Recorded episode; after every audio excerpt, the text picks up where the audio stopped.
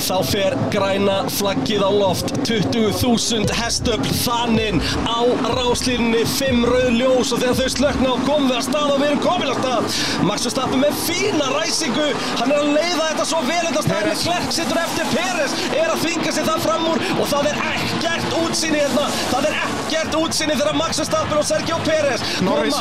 Norris komur upp í það þriðja algjörlega magnu, mögnu ræsing hérna hjá þeim og þetta er, er þetta ekki Sainz, Leclerc? þetta er Sainz, Sainz er úti, Sainz er úti og Daniel Ricardo er að koma sér þetta út úr malagrifinu, lenda saman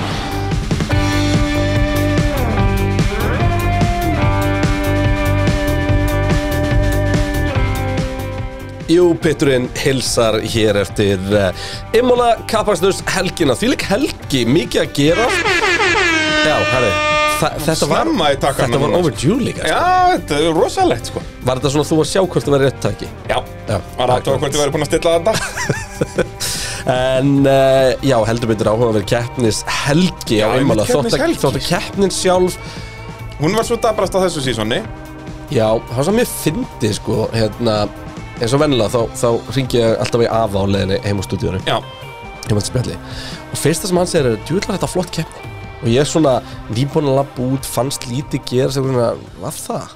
svo fyrir ekki að hugsa þú veist, jú hún var samt sko þú veist, taktísk og það var stutt á melli bíla og það var alls konar, það vantaði bara eitthvað svona smákrytt og það var náttúrulega geggjuð sko og klerka af okkur vissulega smá kriti í andan og... Já, en vandamáli með það krydd var að, þú veist, staðsetningin á ferrinum, hann var aldrei einhvern veginn í hættu að ná ekki því sem að, þú veist, við sáum strax hvað hann myndi enda Já, þegar við vissum bílunlega. já svo kannski ekki alveg upp í sjötta en, en jú, svona, basically Nei. En, uh, En það var allavega eitthvað, en, en þetta var samt overall döpur keppni, en auðvitað Formule 1 keppni er alltaf skemmtileg, hún er alltaf áhugaverð já, en það sem var kannski, það sem mér fannst svo skrítið var svona, þú veist, miða við þessa helgi, Já, þú veist, þú ert með, þú með rennblöta fyrstu æfingu, Þú ert með breytilega aðstæður í tímatökum, þú ert með... Uh, varu tímatökunar ekki alveg blötar? Nei, Voru þeir einhvern tímann fóru- á slikku? já, þeir fóru að slikka þarna og svo er þetta aftur, já, alveg rétt Já, uh, síðan sem sagt uh, fáið hann þessa FP2 sem er svo skrítið fyrir bara að hálfa verðin og uh, svo fóðið sprettinn hann er í þurru, hann er bara áhugaverður var ekki smá rigning í FP2 -mu líka? Nei. Þur, nei, maður þurfti allan tímann Alveg sól og blíða þar, síðan var aðeins byrjað að skýjast í, í spretnum, en Já, ekkert en enn ekkert ekkert alveg ágjur af svo fáið hann þotnandi braut í Já. keppni og þú veist, þetta er, þetta er uppskrift þú veist, litla sem engar æfingar og þær æfingar sem liðin fengur voru sem köttu niður út í það þá var megni í blöytu Jep, um, tímatökuðan í blöytu uppstillingar út um allt þú veist, það var, það, það var þetta var the perfect recipe Já, það, er var svolítið svoleiðis. rosa hérna, það var rosa uh, uppskrift Já. í eitthvað bull 100% og það er það sem ég bjóst alveg við Þannig sem við fengum, uh, fengjum gott bull Já, ég, sko, um leið og, og fyrsti öryggisbílinn kemur út Já. þá hugsaði ég með mér bara á, þetta, þú veist, það er bara spurning hvað að verða margir og hvort að verða stafrænir eða Já, venjulegir já. og bara hérna getur aukt flaggjabil Svo hugsaði sko." þú náttúrulega líka ka-ching Það sem þú varst búin að skella á tvo öryggisbíla Við erum ekkert að tala um það Ég meni, ég gerir ráð fyrir því fyrirfram Já, löðrandi letur Hann er hérna, sko, en, en, en bara svona dæmi Þú veist, bara um leið og voru breytilega staðar á Immola þar sem við fengum fimm rauðflögg í tímatökum að það hafi ekki eitthvað farið úrskiðis meiri Já. keppni Og bara allir, og í gegnum allir breytilega aðstæðunar Allir bara rólegir það var eitthvað eins og allir væri bara búin að sætta sig við hvar þið voru Nei, það er sko, málið er að Í þurru er bara hægt að taka fram úr á einum stofabrautinni Já. Í bleitu getur ekki einu sinni tekið fram úr það Nema þú sett komin alveg fram úr fyrir beiguna Já, Þú getur það eins ekki og- nema haft DRS sko. eins og við komum svolítið að nema hérna Já, þegar það er að- bara með DRS Þú en ég meina kastar framræktu ekki- Peres og Leclerc var Það var, geggjær gegn, það var bara Peres er alltaf gæðin sem að ger, hendur í headline move-in já, er Peres ekki orðin bestið nummer 2? Ég bara, Í við dag? vi, vi dissum Peres heldur síðast tímpil, okkur fannst Já. hann ekki verið að gera nóg Nei, nei. en ég meina, þú veist, er Peres ekki að gera bara nákvæmlega það sem hann fær borga fyrir Jú, átt að vera fjóruði í Bahrein hefði átt að vinna sátt í og uh, ok, Rólur að hefði átt að vinna sáti, hann var átti tæki fyrir að vinna sáti Já, var á En ef að- undan en- Ferrari já, En, en Verstappen hefði þá verið annar með að við hvernig allt sem að þróast Já, en Verstappen hefði bara náð öðru á næstíðasta ring Það hefði ekki verið tími til að svissa Nei, kannski ekki og það er líka verið svo ógeðslega brútal auðlust Já, nei, þú veist, það hefði ekki verið hægt að klerka að vera það nálægt Þeir hefði ekki riskað því Allavega, þú veist, var, var á pól þar Já, þú, Leclerc hafði ekki náð honum með endarhraðan í rappbólunum Peres enda lélur í tímatökunum núna um helgina um, en þú veist þetta- Breytilegar þessi tí- aðstæður og eitthvað. Já, þessar tímatökur Fyrir ekki voru honum enda. Já, en síðan á sama tíma, þú veist, hverju voru á fyrstu tveimur Já, vissulega Þú veist, það, það er alltaf þetta, þessi gæjar Já, við erum að líka að tala um að hann sé besti númer 2 Ég veit það, ég veit það, ég veit það En ég er að segja, þú veist þa- þa- Þarna semma er svo bersinlega mun, sko Þú veist, ég er Klerk og Verstapin, þeir eru þarna Jep. Þú veist, Hamilton hefði verið þarna á, hérna, á síðustu árum Fettel hefði verið þarna á sínum tíma Alonso hefði verið þarna á besta bílnum, skilur Þú veist, Kjarnfyrstu þar keppni. liggur munin, munurinn sko. Það er bara nákvæmlega svo leins En svona, en all in all áhugaverð helgi Og ég meina, spretturinn var nú eiginlega bara skemmtilegasti hlutin á henni Já, á algjörlega eftir á að hyggja Já. Það er bara nákvæmlega þó maður bjóst við að keppnin er betri í breytilegu mestæðum Já, bara með að við mætum og sjáum brautnum þú Rigning veist, og náð. Bara þegar við settumst uh, niður og uppbytunum var að hefjast þá voru við búin að vera í smá stund bara, veistu, það er alveg möguleik ef við sjáum bara, bara grófregnek þú veist, Já. þetta verða líklegast verða allir á grænu og það verða mistök að fara úr á grófregnekin en þetta er alveg það blöytt að við getum sér einhverja svo náttúrulega bara þegar keppnir að byrja þá erum við jafnvel svona verður einhver nóg bólt bara að fara og þurfti ekki hérna strax en svo sá maður hérna, hún er svo hæðótt að það er svo mikið söfnun eins og nýri allir eftir beðinu og svona sko En það er nefnilega, hefði verið geggjað og ég, þær keppnir eru yfirleitt skemmtilegast sko, þegar þið byrja á blámertudekjónum þurfa síðan að fara yfir reyndi mítið og síðan fara yfir á slikka Já. að þá ertu komið tvo svona riski punkta sko. Já, og á öllum stöðunum viltu fá flappabreitingu já. Já. já, já, en já, þú meina bara það bara Já, já, bara eru þetta. aðstæðanlega góðar já. Þú veist, á ég að fara reyndis núna Mér finnst til dæmis, það hvað Ricardo var hugrakur Já. mér finnst syndanum ekki grætt meira á því Já, hann Já, var bara þú alltaf veist. aftalega sko. Fettel var búin að vera að byggja með tvo ringi Það er svo leiðis Já. Það sést allavega tveimur ringjum án hann fyrir þannig Já, að hringa svona byrja með undan pælingarnar hringa þarna. undan Ricardo en hann hefur alltaf verið eitt svo fljótt still að vilja skipta á, sko. Já, já, en Og- hann var kannski ennþá með Tyrklandi í hausnum já, eða liðið hans Já, örgulega Já. liðið hans frekar já en ég minna en ég meina það er ekki þetta að taka líka líka þar Fettil var ekki að fara að vinna þessa keppni þú veist, hann var ekki að fara að taka út sjens og gera eitthvað þannig lagað. og ég meina Kudos, þeir náðu sem fyrstu stig og það er ekki út í þessi bílinu en frábær sko Nei, alls ekki Þannig að, en allavega, ef við ekki bara að henda okkur í þetta Eh, Jú, Hva- hvernig hvað væri þurfum við það? að- Þetta hvað er þurfum við að- náttúrulega allt saman í Nóa Sirius stúdíu og podcastaðurinnar Við höfum alls ekki Mikið gleyma því rétt, mikið Og rétt. verkværasalan Viaplay, Ólís, Bóðleið, dásamlega fyrirtæki sem eru með okkur í þessari vitleysu allir saman Og svo eru náttúrulega legend að bætast í hópin eh, hver einustu viku Og það er engin annar en Kimi sem er mættur Kimi, Ekki rækonin samt, það er skellur sko Nei. bara Kimi félagin hann er samt legend meðal pitgrúsins Já, hann er að get damn legend sko, hann er líka svo hávaksinn að það er hægt að sjá hann alveg sama hvað þú ert á landinu Er þú að tala um Kima núna, Já, ekki já. Kimi? Ekki Kimi Já, Rækonin já, sko já, já. En, en bara Jóa Kim, okkar allra besti Já, hann er Og- toppmaður. Já, hann er fíbl en hann er heiðalegt fíbl Já. Hann bað mig um að, að segja það hérna Ég held að það sé bara, bara mjög vel metið Já, heldur betur, Uh, Magnús Dari Sigurðsson uh, A goddamn legend Hann var að bætast í hópinn og svo uh, Bárður Hilmarsson uh, Hann var að skella sér úr bara að vera bara í the pit crew Hann vildi fá betri, betri status Þannig hann er hann a goddamn legend Já, wow Þetta er rosalegt sko. Ég elska líka sko, þið sjáu ekki þetta en Bræði syngur alltaf með þegar Já, hann og heyrir svona, þetta er svo peppandi sko.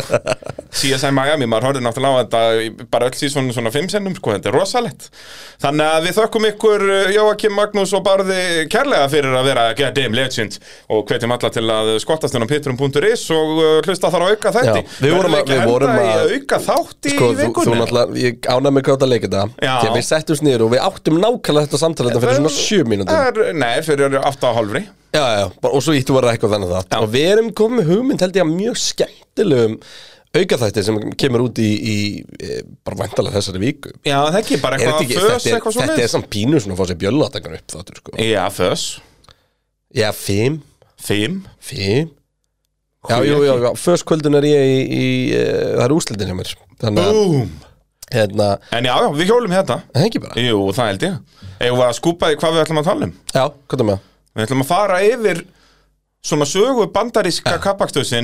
fyrir utan Texas, þú veist, þú- það hefur verið keft á miljón mismunandi Það, breytum í er bandaríkjunum svo, það eru svo áhugaverðar brautir margar, þú veist, Þú það veist, eitt árið var fáránlegustu keppt brautir sem eru ég held keppt á hérna. að sé er hana 83 eða 4 var keppt á þremur mismunandi brautum í bandaríkjunum Og var það árið sem á bílastæði var Já, meðal annars sem við myndir að fara aftur næstu helgi Heldur Petur, við erum að fara á Mm. aðeins meira fancy Fyrir ekki- bílastæði Ekki næstu helgi, eftir tvær ykkur Já, bíla, bílastæði sem er búið að búið til tjötn á Ég sá það mynd er af þessu allt áðan og gott. Og Búið að p- planta pálmatrjám út um allt og þetta er veistla sko. Ég sá, satt- ég sá mynd af þessu áðan þar sem er verið að fara að fylla bara tjötnina og, En og- hvernig, ætlar að koma síðan með snekkjur bara með Þær eru komnar, þyrlu, eða? þær eru komnar Ég veit Hvernig- ekkert hvernig það komu Nei, þær hafa verið trailerað hann inn og svo Já, bara byggt í bara- kringu þær sko. Já, eina viti. En hérna, en það sem er Ég sá svo geðveikt komment einhvers staðar eitthvað Ég meina, hvað er bjálandi þetta? Í Kanada og Sáti þá erum við að keira á gerfi landi í kringum sjó Það er rétt. Hérna er bara gerfi sjór Í- í kringum Í land sem kringum var þarna. land, sko, já, Á landi sem var hann Getur ekki klika? Það er bara- fer eftir bara hvaða leiðin á að ferði í þessu En þetta er allt gerfi og feik Já, Uh, Hjalti spyr uh, sennilega vestabrautin svo fara á nýjum bílónum segir hann, uh, of þröng og er raun bara eitt framuröksastæður og mér langar aðeins að fara yfir brautina og þetta Ingólfur Hermann spyr sömulegðis á þessi braut skila að vera uh, með F1 keppnir, erfitt að taka fram úr og verður enn verra þegar það er bleita Hefur ekki byrjað á þessari pælinga eins út að ég saði þetta náttúrulega strax um leið og ymmala komin Og að þetta mér er leist fyrst, ekki á fyrsta þetta keppni sem við erum að sjá svona sko. Já, út að fyrstu tvær voru geggjaðar þannig ég þurfti alltaf að geta sokki minn Mhm. Núna loksins er þetta að, að uh, Shining through sem ég sagði þarna Ég út að held Hún er samt. bara eins og þröng Ég held samt að breytilu aðstæðunar um helgina og þessi eina þurra lína Já. Því að immal átt ára braut sem myndi virka á þessum bílum En þessi, þessi eina þurra lína Hún tók okkur svolítið illa sko mm. Ég meina þú sér það var hellingsbreyting í sprekkefni Og við fengum, hvað, en ég man samt bara eftir tveimur farmaróktunum sem voru ekki inn í Tamburello Það var Peres í Villeneuve Já, og Russell fyrir sér keinið Jú, fór ekki einhver fram úr á leiðinni niður í síðustu Jú, var það, beygina? nei, Nei, hann kláraði það ekki Stroll Nei, var á Snóta gerði utanverðinni. mistök og, Og Stroll Stroll- ætlaði að já. reyna að nýta sér það Einmitt, En hann en- vissulega reyndi og það er Já, rétt já. Og það leit út eins og framúrrækstunum síðan föttuðu við herr, Nei, Snóta gerði mistök Það var ekki, fyrst leitit út eins og Snóta væri að taka fram úr Já. En hann var ekki búin að tapa setinu sko. Já, en ég er ekki hissa, ekki, á, ekki, ekki með blöta línu, sko Mm. Já, þetta er nú skára á þurrubraut En það spretturinn var bara fínt En það var samt, sko Það var allt og mikið bara DRS og þú er komið tveimur bílengdum fram úr áður nú bremsar Já, en þú veist, hefði spretturinn verið eftirminnilegur ef að Verstafinn ekki frá framalega klerki í endan eða? Nei. og það gerist út af því að tire offset eru rosalega mikið Og við vorum náttúrulega vissum að yrði alveg framárhættar bara út að það voru svo mikið að hröðum bílum á villasum stöðum Já, Þannig að ég, ég veit það ekki, þú veist, en, en uh, mögulega bara hentar þessi keppni þá bara vel í nákvæmlega svona helgi og þá er bara um að gera haldin á þessum árstíma þegar það virðist alltaf regna Haldinni, nei, við viljum eiginlega ekki fá regningu Ég, ég var alveg til í bara fullregningu Já Immola er alveg alvöru challenge í Já, það er alvöru sko. þetta rétt regningu að það væri ekki þurrlína En það er alltaf Braut er bara blaut í fimm ringi max Þurfum að gefa þeim verri regndekk, sko Já, bara gripi minni regndeg Já, sko, her- kannski ekki gripminregdekk En einhvern veginn þannig að Brautin bara þotn ekki þú veist, Ég meina það er bara eins og þú sért bara með bara einhverja þú veist, Þetta eru bara Þetta eru Þetta eru mestu þurrkunar vélar sem þú finnur þessi kapaspilar, sko Já, og sérstaklega náttúrulega blámertutekkin Þú veist hvað það er verið að tala um það er bara 10 lítra á sekundu sem þeir taka af brautinni sko. Þetta er bara einhver vitleysa Já, beti, var það ekki eitthvað með þess að í hundru Það getur verið, sko. kannski ekki á sekundu þá eða Nei, var það 200 lítra á mínútu eða eitthvað svona, þetta var eitthvað svona fárálega tala sko. Einhverju lítrar á sekundu Já, já. það var auðvitað þannig Já.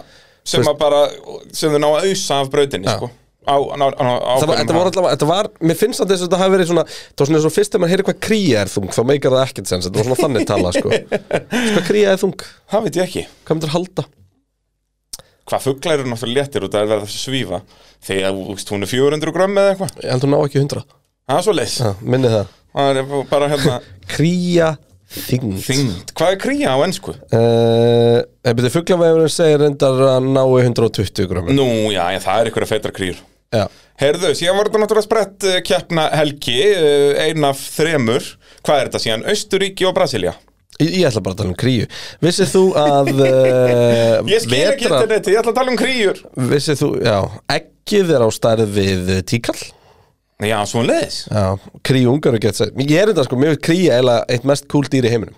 Já, já, Því að sko, þar verðið að vera ásamálaðir já það er bara tjónu pyrrandi Já, bara, þetta er bara fugg Já, hún er bara fugg Já, það Þetta er aerodynamic masterpiece Það er Þú veist, Adrian Newey væri stoltur sko Já, það er enda rétt Þú veist, báði að vera geðveitt lítill fugg Þú veist Og það sem að þú gerir Er að þú ferð á Suðurpólinn Og kemur svo, þú veist Á eitthvað rókraskat á eitthvað hotni Á eitthvað skeri á Íslandi Og ferð svo tilbaka á hverju einasta ári Já, bara upp á tillið Hvað eru þeir lengi á Suðupólinn? Hei, það tekur eitthvað tíma sko Þetta er samt aerodynamic masterpiece Já, ég held líka að þeir fara bara upp í hérna bara Það sem svona að ströyma þykkt loft- Já, og Já, bara og, bara, og bara svona, svo bara út með vangina og bara chilla Hvað, þú veist. hvort heldur að væri fljótara Formule 1 bifrið eða kríja á Suðupólinn? uh, Það er að segja ef að, ef að formúlubílinn geti eða væri bara búið að malbygga beina línu En það er náttúrulega pitstopp og svona, skiluru Já, þetta er Ég ætla að gíska á Formule 1 bíl Ég Já held að Newey hafi En samt, kríuna þú sko. veist, pitstoppin er alveg ábyggja Erum við- mínúta erum að við fylla þá- bensín, sko Ég ljósi þess að drottin Almáttu náttúrulega hannaði allt í heiminum Hmm. mm. Erum við þá að tala með Adrian Newey sé betri hönnur Já, heldur um Guð, já, miklu Guð er með allt niður sig í þessu, sko Það er nú bara svoleiðis Heyrðu, Þetta eru frábæra pælingar hjá okkur Já, ég held að við maður fara djúpt í þetta Já, uh, uh, sprettkeppna dæmið Herdís spyr uh, sprettkeppna helgarina fannst mér aðalega að gefa topp tveimur liðurum tækifæri til að bæta upp fyrir erfiða tímatöku og svona laga sína stöðu Er ég fílupúki vera sprettkeppnar snilt? Ég það er eins hvað þú fílar því að eh, um leið og við fengum svona skemmtilega sprettkeppni þá komum fíja og sagðu Herðu, já, munið þessu, við vorum að spæra með sex keppnir á næsta ári Mm, já, þau vildu að var sex á þessu ári Já, það var blokkað, en núna bara strax kom einn góð að bara, herru, sprettur er snild, allir þetta, fáum sex keppnir, let's go Ég er, ég er á sprettkeppnavagninum Já, uh, Þú er, ert þú ennþá svona uh, on the fence, eða? Nei, ég hef aldrei verið beint on the fence með það ég, held, við- Ok. ég held að við séum alveg búin að samla upp að þetta má bara ekki vera ofnandað Nei, ég- En ég að held að það sé sama málið, sko. skapi, þá finnst mér algjör snild að fá þrjá daga með einhverju sem skiptir máli Ég veit það, það er aðalega það sko En mér Tímatökur finnst og fös. eiginlega, mér finnst eiginlega sprettkemni vera of stutt mm. Þú veist, þetta er svo mikið, Já. þetta er svo rosalegu kvikki, sko Já, hafa þetta bara, þú veist, hvað, tímatökur er einn og hálfur, Ég, þú veist, bara keppnar eins og- tvær, hafa þetta kannski 40 mínútur frek, er ekki verið að miða við hálftíma þarna?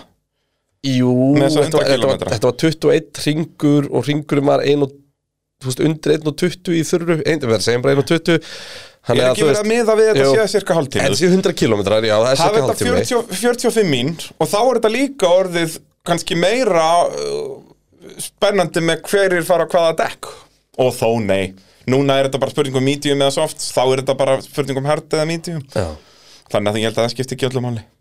Nei, farfið, nei, ég held að þetta þurfi ekki að vera lengra. nei. En, ég, en við töluðum nú aðeins um það um helgina, þú veist, ég væri til í að sjá og testa sprekkenni með reverse grid bara stilt upp eftir hérna Ég er samt hrifnari að, já, sem sagt, stilt upp eftir heimsættar á mótinu Já, eða, ég, eða. Já, ég er hriðar, hrifnari af eða hjá þér Varst, var þetta sama og ég í hug að tímatakan bara ráði fyrir Já, bæði þú veist, þau svo þú ert búin að vera að tala um að, að nei, að, að hafa sem sagt að sprettkeppnin raði ekki upp kapasturnum kappaksturinn heldur væri þá bara í staðin fyrir FP2 væri bara tímataka þar, Já. eða eitthvað Já. og svo væri FP1 snemma á föstudeginum en það væri, þú veist, einn og hálfur tími og tímataka það væri open Já. eða, Open eða braut. þá bara hennilega að FP2 verði þannig og þá væri FP2 eitthvað Já, já, það væri þá Hvernig me- meira ertu þá að pæli að hafa þetta? Hafa FB bara, bara, bara venjulega. 70 mínútur eða 80 mínútur eða sérst FP1 verður bara vennileg og Mhm. svo kemur tímataka En Svo kemur tímatak, ok, já eða þá hennilega að færa sprettkeppna fram á föstudagskvöldið Já, og þú veist, mér er alveg sama hvora æfingin það er skilur við, en að bara svo æfing sé bara eins og old school tímatökur já þú veist, Ég nefnilega, ég- mér langar að prófa það já Og hafa það þá einn og halvan tíma Þannig að lið getur byrjað að taka nokkra keppnisbretti Mhm. Og svona aðeins að tjúna sig inn Og síðan væri skiluru síðasti klukkutímin, síðasti hálftímin Bara alvöru sjútat stemming mm Það var, þetta var svolítið Mhm. eða, romantist eða fá reverse grid, einhvern veginn Já, mér finnst það, þá er, finnst mér vera komnir yfir strikið í gimmiki, sko ekki ef að það er sko, reverse grid og það raðar upp fyrir Grand Prix ekki séns Nei, já, það má það, ekki er, það vorum við bara komið frá þessu en Já, Mhm. já. bara, þú veist, við erum að búið til sjó mm sko, basically það sem ég er að byggjum er bara að prófum þetta Já Þú veist, prófum einhver tíma reverse grid í Formule 1 mm Mhm. -hmm. einhver staðar og sjáum bara hvort það verður bara einhver steipa Já, því að við höfum aldrei sé meira en tvo hraða bíla að vinna þessu upp í gegnum fylgdið skilur Jep. Já, þetta það væri áhugavert að sjá skilur úr hvað myndi Gastli gera þar skilur mm.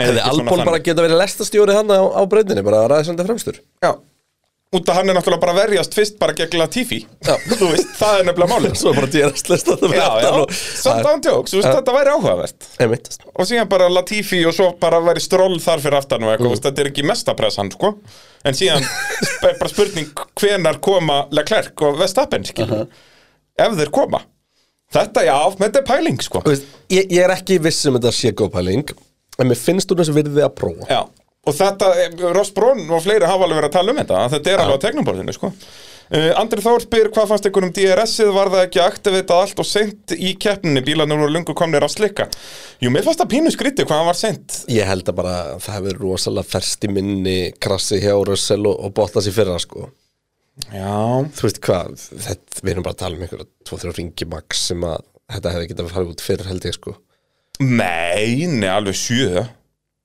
Er það? Já, það það- bara þurra línan var lungu, lungu, lungu eða sérst allir voru komnir á slikka það var ábygglega hátt í tíu ringir sko. En er það orðin þurrbraut? Þetta er Já, alveg pínu ég, mér, flókið finn, sko mér finnst að það eigi að vera eh, limitið að sérst ef allir eru komnir á slikka það er allan að þurra aðri Var- braut var heldur ekki en eins og á bara- Tyrklandi Var ekki bara formúlun að leitast eftir þessari pröfu sem við vorum að tala um Sjá hvað gerist þegar við erum ekki með DRS gæti verið en þú veist eins og í Tyrklandi að þá var leift í RS meðan einhverju voru ennþá enders Já, já þú veist, mér finnst það sleipara heldur en ef allir eru komnir á slikka Nei, Nei, það er 100% samanlæður En ég segi, þú veist, þetta er hætlibraut já, já, Og hættuleg braut nei, já þetta er rosalega hraður og langur DRS-kabli með beigju, sko Já, já, það er þetta leiðilega kinkarna á bremsukablanum af Já, tamburella. og áður Já, það kemur fyrst svona pinkulítil vinstri. Já. Hún verður, Og það er- hún verður beigja út og slikkum og það er aukbraut, sko Já, og með opinn það er, afturvæng ég var að æfa mig aðeins í Protest Cars núna á uh, fimmtudaginn í Bleitu á einuna. Og þá náttúrulega var bara okkur um GT3 bíl eða eitthvað, eða svona formúlur Uno og eitthvað. Og þá þurfti maður alltaf að bremsa fyrir litlu vinstri beiguna, sko. Aha, Ekki á formúlur Uno þó, Nei. en á GT3 þurfti maður aðeins. í Í Bleitu, alvörni í Bleitu, já, leikandi. Í þurru ertu bara að bremsa í henni, sko, fyrir tamburella. Á GT3 bíl. Er það að tala um fyrri hlikkin í Tamburello? Nei, það kemur svona pinku lítil vinstri rétt fyrir bremsukablan Já, já Ertu ertu ekki að tala um bara það sem að Russell fyrir hliðar í fyrra og bombasögnin hliðan á Jú, basically Bara við endan á pittvögnum Nei, það er aðeins hægri, síðan kemur pinku lítil vinstri og svo byrja Já, bremsukablan já, eh, þetta er hann að hægri vinstri hann Þetta er- þetta er svona eiginlega S en er það samt ekki Já, þetta er bara beittkabli Já, á- Áhugavert Já, dásamlegt alveg hreint uh, Ef þá farið keppna, við byrjum að tala um Ferrari þar sem að þeir leiða heimsvæstaramótið Fengu þó bara 20 steg þessi helgina Fyrir líka helgi á Red Bull maður Heldur betur. 58 kvikindi Já Langfælega steg sem við nokkuð tíma séð eitt lið fá á einni helgi í Formule 1 Gjössanlega galið Því að á þeim tíma sem að lið voru með marga bíla í Formule 1 að þá í fyrsta lagi var ekki til heimsvastarmót bílasmiða ef, ég- ef ég mann rétt og í öðru lagi þá fegstu bara nýju steg fyrir fyrsta sendi Já.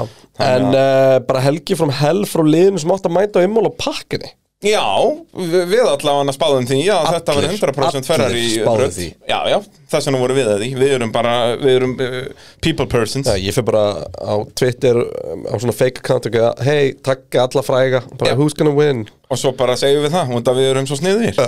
það er svolítið svo leis Sjálfur Klerk, annari tímatökum, annari spretnum sjötti í keppninni og ekki var að skara á Karla Sainz tíundi í tímatökum vinna svo upp í fjórða í spretnum og dettu svo út í fyrstu beigju Sko, allt við þessa helgi voru minnstök frá hjáferri og ég veit ekki alveg hvort við erum sko, ég held að Red Bull hafi stíð upp þessa helgi bara svona við tölum Já. um það þessar breytingar sem að Red Bull kom með klálega eitthvað að hjálpa bílnum og þær eru búin að gera það að verkum að Ferrari er núna að flýta sínum uppfæslum Já, algjörlega, Þannig þeir að- eru ætluðu nú að koma með eitthvað smá vélabreitingu fyrir þessa helgi, gera það ekki en það ég held að það sé svo ekki mikið per performance í því, þetta er aðalega eitthvað reliability En sko, nei, hann var að tala um performance í því í Eh. Ok, hybrid-kerfinu. ok. En hérna, en sko en Ferrari verið að koma með eitthvað til Miami, allavega Barcelona þa það eru tveir hlut sem getur að gerast Mögulega, ég meina, við vorum aldrei búin að sjá Red Bullin áður með mikið downforce og, og þannig Við lað vorum að sjá það með þess að vangi í finnsta skipti Mögulega líka bara fann Red Bull eitthvað betri balans um helgina Já,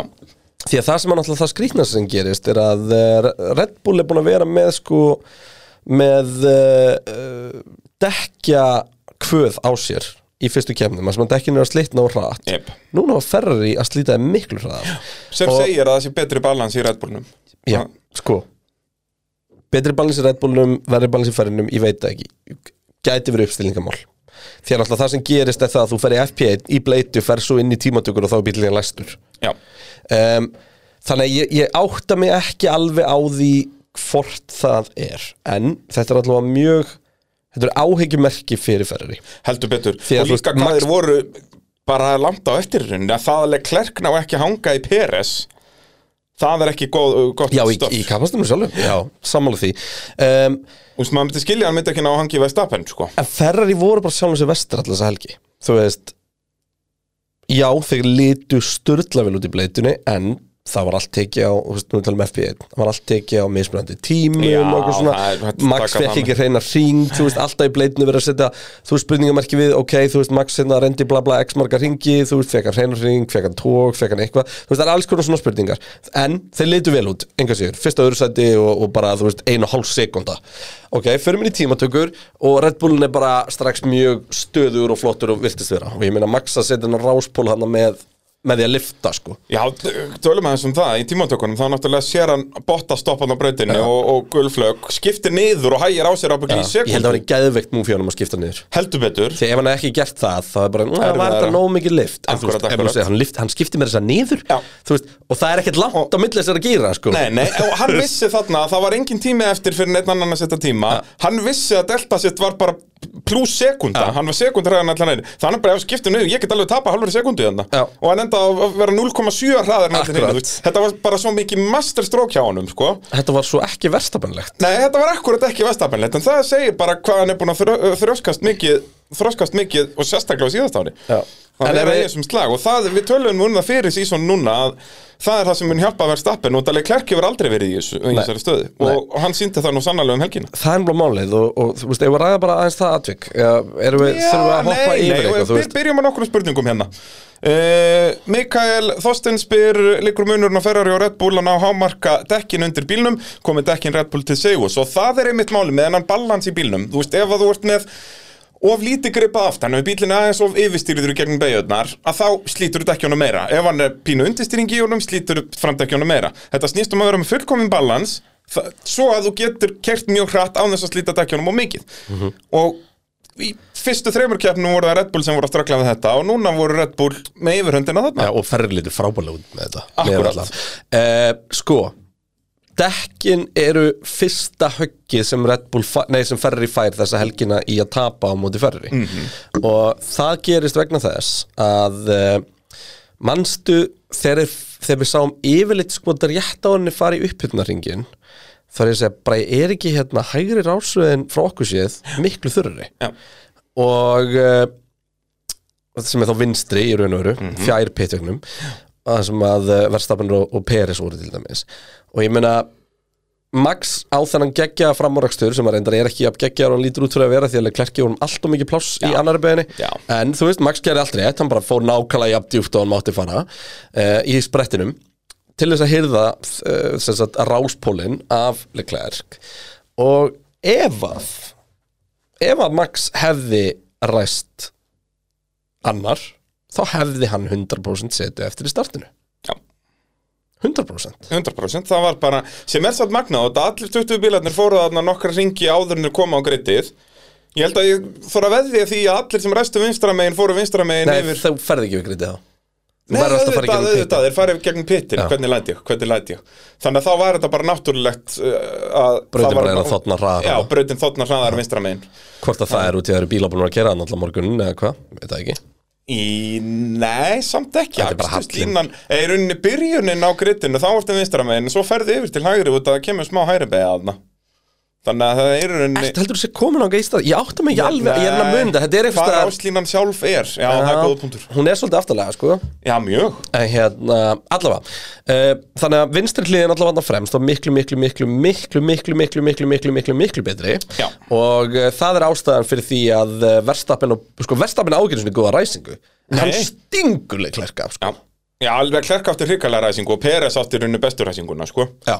og ja, Norri síðan náttúrulega líka, hann flög hann Allavega, en þeir voru allir vinstra megin þannig að, hérna, þannig að það var svona Þar eru dekkin búin að setja fyrsta Þetta dekkjaslit búin að setja fyrsta höggið á, á Ferrari Því að Leclerc átti þess að sprettkemni Framan af Já, 100 pjö Hann er að pakka honum Og átti miklu meira raða inn í sagðan sko Hann bara fór, gerði það sem hann þurfti En svo þetta hann strax að byrja að hugsa um dekkin Já. Og þar spiluðu Red Bull bara gí- gríðarlega taktískan góðan leik Það sem að Max var ekki að pressa of mikið, hann var bara þarna í einhverjum tæpum tveimur sekundum Og svo bara þegar hann þurfti að finnur pressa hann bara fór líkt að- að blóði og þá sko, Þetta var mjög rauðu Hamilton-legt. ítölsku blóði, akkurat Þetta var svona, heyrðu, ég býð hérna í tvær sekundur þangat, ok, ég ætla að plana þetta, ég ætla Þetta að var- taka fram úr átjöndarhing þetta var bara heimsmeistarlegt Þetta var heimsmeistarlegt, það er nákvæmlega svoleið sem þetta var og, hérna, og þarna er Max að- að hámarka helgina algjörlega, þetta var ekki meðvitað þannig, hann vissi ekki sko þú veist, þetta er ekki eitthvað, að ég verð hérna það er þó betra að detta bara niður í þriðja fyrir morgundaginn, skiljum, þetta er, alls, þetta er ekki þannig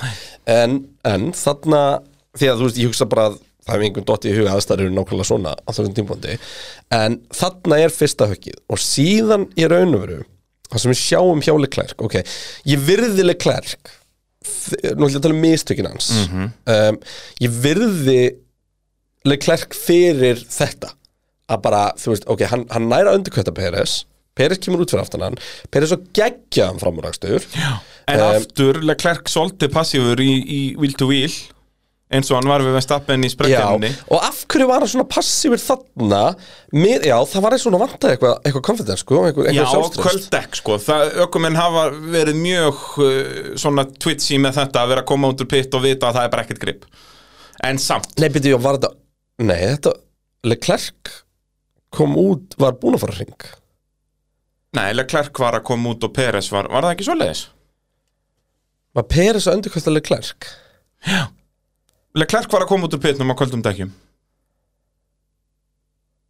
Ég held ég að ég geti bara staðfest Nei, var Peres ekki fyrir Jú, Það er bara svoleiðis, þurfum við að taka podcastpásu og doppeltjekka þetta? Í- Þetta er dott út úr hausnum á mér alltaf Eh, Erum við, erum við sko- báðir Við, við bara doppeltekum þetta svo þetta ég, sé ég, ég er alveg- enga stundaði hérna sko. Já, þú segir mér það Hérna, En það var svoleiðis sko uh, Hérna Þetta er mjög gott podcast við að Það er rétt googla hjá þér, eitthvað. það er Já, rétt hjá ekki. þér. Peres tekur hlið Já. Já Peres, auðvitað, Peres fyrir framúr í startunum líka Það var það sem var ruglimir Og hérna- Já, Peres önduköttaleg Klerk, það er rétt Heita ekki á Peres, gerur ógisla vel Klerk kemur hann rétt fyrir framann undir pittinum Og uh, Peres bara nærinu strax og fara að berjast Og, og þetta er bara geggjaði framlöstur í honum um, En þess vegna kom mistökin mér svolítið á óvart Út af því að Leclerc var búin að vera svona Heyrðu, ég er að leiða heimsvöstanum átti Ég ætla ekki að Já. láta eitthvað klessa mig En þannig að gera svona mistök hann Þetta var samt eina beigjan sem hann vissi að hann var miklu hraðan en Red Bulli Já, Og sko, DRS-punkturinn er þarna bara 100 metrum eftir beigjuna Hann var fárlega ofalega, að mínum að þau já, já bara, þetta er hálfum ring áður Eh, með Liggur við, DRS-kaplinn sko, kemur sko. Liggur við Og hérna, þannig að ok, flott, bara gunnaði þarna eftir húnum Þetta var svo, sko, málið það, við vorum bara að segja, veistu, við erum ekki búin að sjá nein mistök frá Leclerc í þessari, þessu slag Já, En eftir um fyrstu þrjár keppnir. helgina var fyrsta helgin þar sem Leclerc er ekki á hraðari bíl að berjast. Það er nefnilega akkurat málið sko. Þetta þurfti hann að tegja sig umfram þú veist, Hann þurfti að vera því X-faktor sko. já Og- þá fáum við þessi mistök. sem er mjög Leclerc-legt eins og við sögðum í Ah. Það er nefnilega útsendingunni sko. málið. Að- Það er Leclerc í Monaco í fyrra, það er, þú veist, við höfum séð þetta svolítið oft, sko. Akkurat, akkurat, og, Og það er einmitt hérna- alltaf í þessum aðstæðum þar sem hann er á bíl sem að hann er að yfirkeira Já. Það er náttúrulega fullt af stigum en það, veist, hvað, þetta eru- þetta eru þrjú stig sem hann er að berjast um. Já. En hann tapar í staðinn hvað sjö, er það ekki? Já, þú veist, hann var í þriðja, það eru 15 stig að berjast að manna sem eru 18 stig endar sjötti sem að er hvað 8 stig Já, en, Þannig að- og við slum ekkit vannmynda það að hann var heppin að bílinn skemmst ekki meira Já, það er, en þetta er sennilega gamli bílinn hafði brotið spilnað hann sko. Sko, ef hann hefði bara, ég held samt, nei, hann fer svo Já, þetta er akkurat á hlið Já, sko. ef hann hefði ekki náð, ef hann ekki snúið svona mikið Já. Þá hefði hann bara klessukert hann í drasl, sko Já. Þú veist, þetta er eina höggið sem þessi bíl þólir ógeðslega vel nema þessi valdir í botas Já. En svona, já, beint á hlið uh, og í dekkjavegg sem gefur eftir þannig að það var, uh, en Og, það er alveg og, og náttúrulega, þú veist, Pínu öðruvísi. ferðin orðin lítil og allt annað en, Já, já. en það breytir því ekki, að smá angul og þú ert í von- vondum málma hefði verið gras þarna að hann bombaði veginn en það er Malbygg þannig að hann að bremsa niður Já, Uh, Jóhann Gilvi spyr eh, er staðfest núna að þessi bíl virkar ekki í rigningu þar að segja ferrar í hinn Nei, Nei, hann var, hann var leit öfugt Já, hann í var rigningu. betri í rigningunum frekar en hann var á þurrubrautinni sem hann var ekki góður sko. Já. og hérna, eða svona á þotnandabraut og þarna kemur líka inn að þið voru með nýja vangi á öllum bílum sem það var öðruvísi downforce setup Mhm. á þessari braut Mikil niðurtök Akkurat, og, það, og nánast engar æfingar og það var alltaf breytilegar aðstæður og sprettkeppni og, allt, og tímatökur og, og svona þannig að leiðin voru náttúrulega ekki komið fullkomið setup, trú ég Nei. þannig að þetta er ekki, þetta er ekki allt dúminn glúmi á Nei, Ferrari, og, sko. og þú veist, og á saman tíma þá er fer, maður ferðin ennþá að sína hraðan sko, eins og í þessum leik sem við vorum að tala um. Já. Þú veist, þannig að hann er ennþá köflum betri á hægardótinu Akkurat, akkurat En hann var bara ekki að ná að nýta sér það í gegnum uppeina eða, eða, þú veist neitt Bara annað. eins og þú veist, Mercedesin var langt besta dæðin þetta hann var mjög fýtt kapastusbíl í, á 80% breytinni Já, en bara á 20% honum sem hann þurfti að vera bestur til að taka fram úr Ja. glemdi því, sko. akkurat sem er uh, dásamlegt alveg hreint Líka lendur á baki, sko, tvo bíla sem eru bara, þú veist, William sem var greinilega mjög góður í endarhraða, þess Já. vegna er albúin að halda Gastli sem að, við, minna, við vorum að sjá Gastli með hæsta endarhraðan, sko Þannig Já, að, og Albon, Eh, nei ekki með hans standarðan heldur hann bara hraðast tíma á beinuköflum akkurat, þannig að William sem virðist virðist vera mjög, William getur orðið mjög góður á Monsa Svo magnað hérna, út af við sáum núna mikið að liðum með fullt af pörtum ekki með málingu og þetta er bara til að leta bíla Það Bara er bara takk- hvert eina skipt sem við sáum Williamson komin í session og búið að skafa af einhverju nýjum patti bara, og McLarenin var líka á, á köflum ekki með málingu þetta er mjög steikt, út af það er náttúrulega allir bílar eru í yfirveikt núna, þeir geta verið ykkur um 10 Það km verður að senda allir meðurinn það mér finnst þetta svo magnað að það er bara verið að skafa málinguna á bílunum sko. Ef það tala um Sainz Já, uh, Solon spyr uh, er byrjunin hjá Sainz og Verstæg og ferri aukumenni sem er á bíl sem á að vera í topp 3 alvöru lélegur e, var, Þetta var ekkit Sainz hafði enda þriði í, í þessari keppni Já, en hann klesti samt tímantökunum Klesti tímatökunum og ef það ekki verið sprettkeppni, hann ræst tíundi í þessari keppni Já. og hérna Já, það eru alvöru mistök í tímatökum sem á, að lokum skipta ekki máli í rauninni uh, og bara mjög óheppin að núnda sérstaklega það að hann hefði litið svo vel út í þriðasætti þarna eftir alveg klerk snýrist verið svona, herru, já, nei, ég er núna solid gæinn, sko Já. Þú veist, það hefði verið gull, gulls í ja, gildi en það er ekkert að skrifa fyrstu bein og Sainz Nei, ekki neitt, það er skrifast 100% sko. áður ekki Ekki, aftur þú veist, ekkert annað en bara startið og það er heldur ekki að skrifa það á, á Sainz út af því að uh, brautin var eins og ég var að lýsa á þann sko. Já, það er Þannig að- akkurat málið, þannig að vissulega Það stór voru samt mistök í eða Sainz í bara tímatökum og fremstu bílarnir sem voru að lendi í þessu vesinni svo- Já, gúl, Ætli ætli það er ekki bara jafnlautari brautin fyrir aftan En tímatöku uh, mistökin, tölum aðeins um þau því að þetta voru, þetta voru stóru mistök og þetta var svo mikil óþarfi Já. Þetta var mestu óþæri sem hægt var bara, það, hann var búin að setja inn ringin sinn Já. og það var verið að fara að rigna þeir vissu að þeir höfðu bara þarna einhverja fjóra mínútur Og bara, þú veist Þetta var, þetta var bara algjör óþæri Já, og bara stór mistök sem betur fer Ég meina við sögum það þegar hann fer út þarna bara, Þú veist, eina sem hann þurfti að gera var að setja solid ring Það er bara núna snýst það bara um að skila sér áfram Já, bara ná 90% ring Þetta er ekki flóknar en það uh, Með allt niður um sig uh, Og önnur keppni eru þess að hann er stega lausi Og er núna komin í 5. sæti í heimsvæstaramótinu Þrátt verið að vera á besta bílum Já, og bíl sem að sko hann á að vera búin að vera velnapall í hverju einustu keppni um, Það er bara ekki lægi sko. Þetta var kannski fyrsta keppnisergin sem hann átt- hefði ekki endlátt að vera velnapalli Hefði átt að vera fjórði Eða þú veist, fjór, það sem að fjórði var svona ekki end of the world sko Þú veist, Já, akkurat, ég var hann, að átt, Klerk hann hafði átt verið á að vinna undan. Peres í öllum hinum keppnunum Já og ef að, en þarna var Peris bara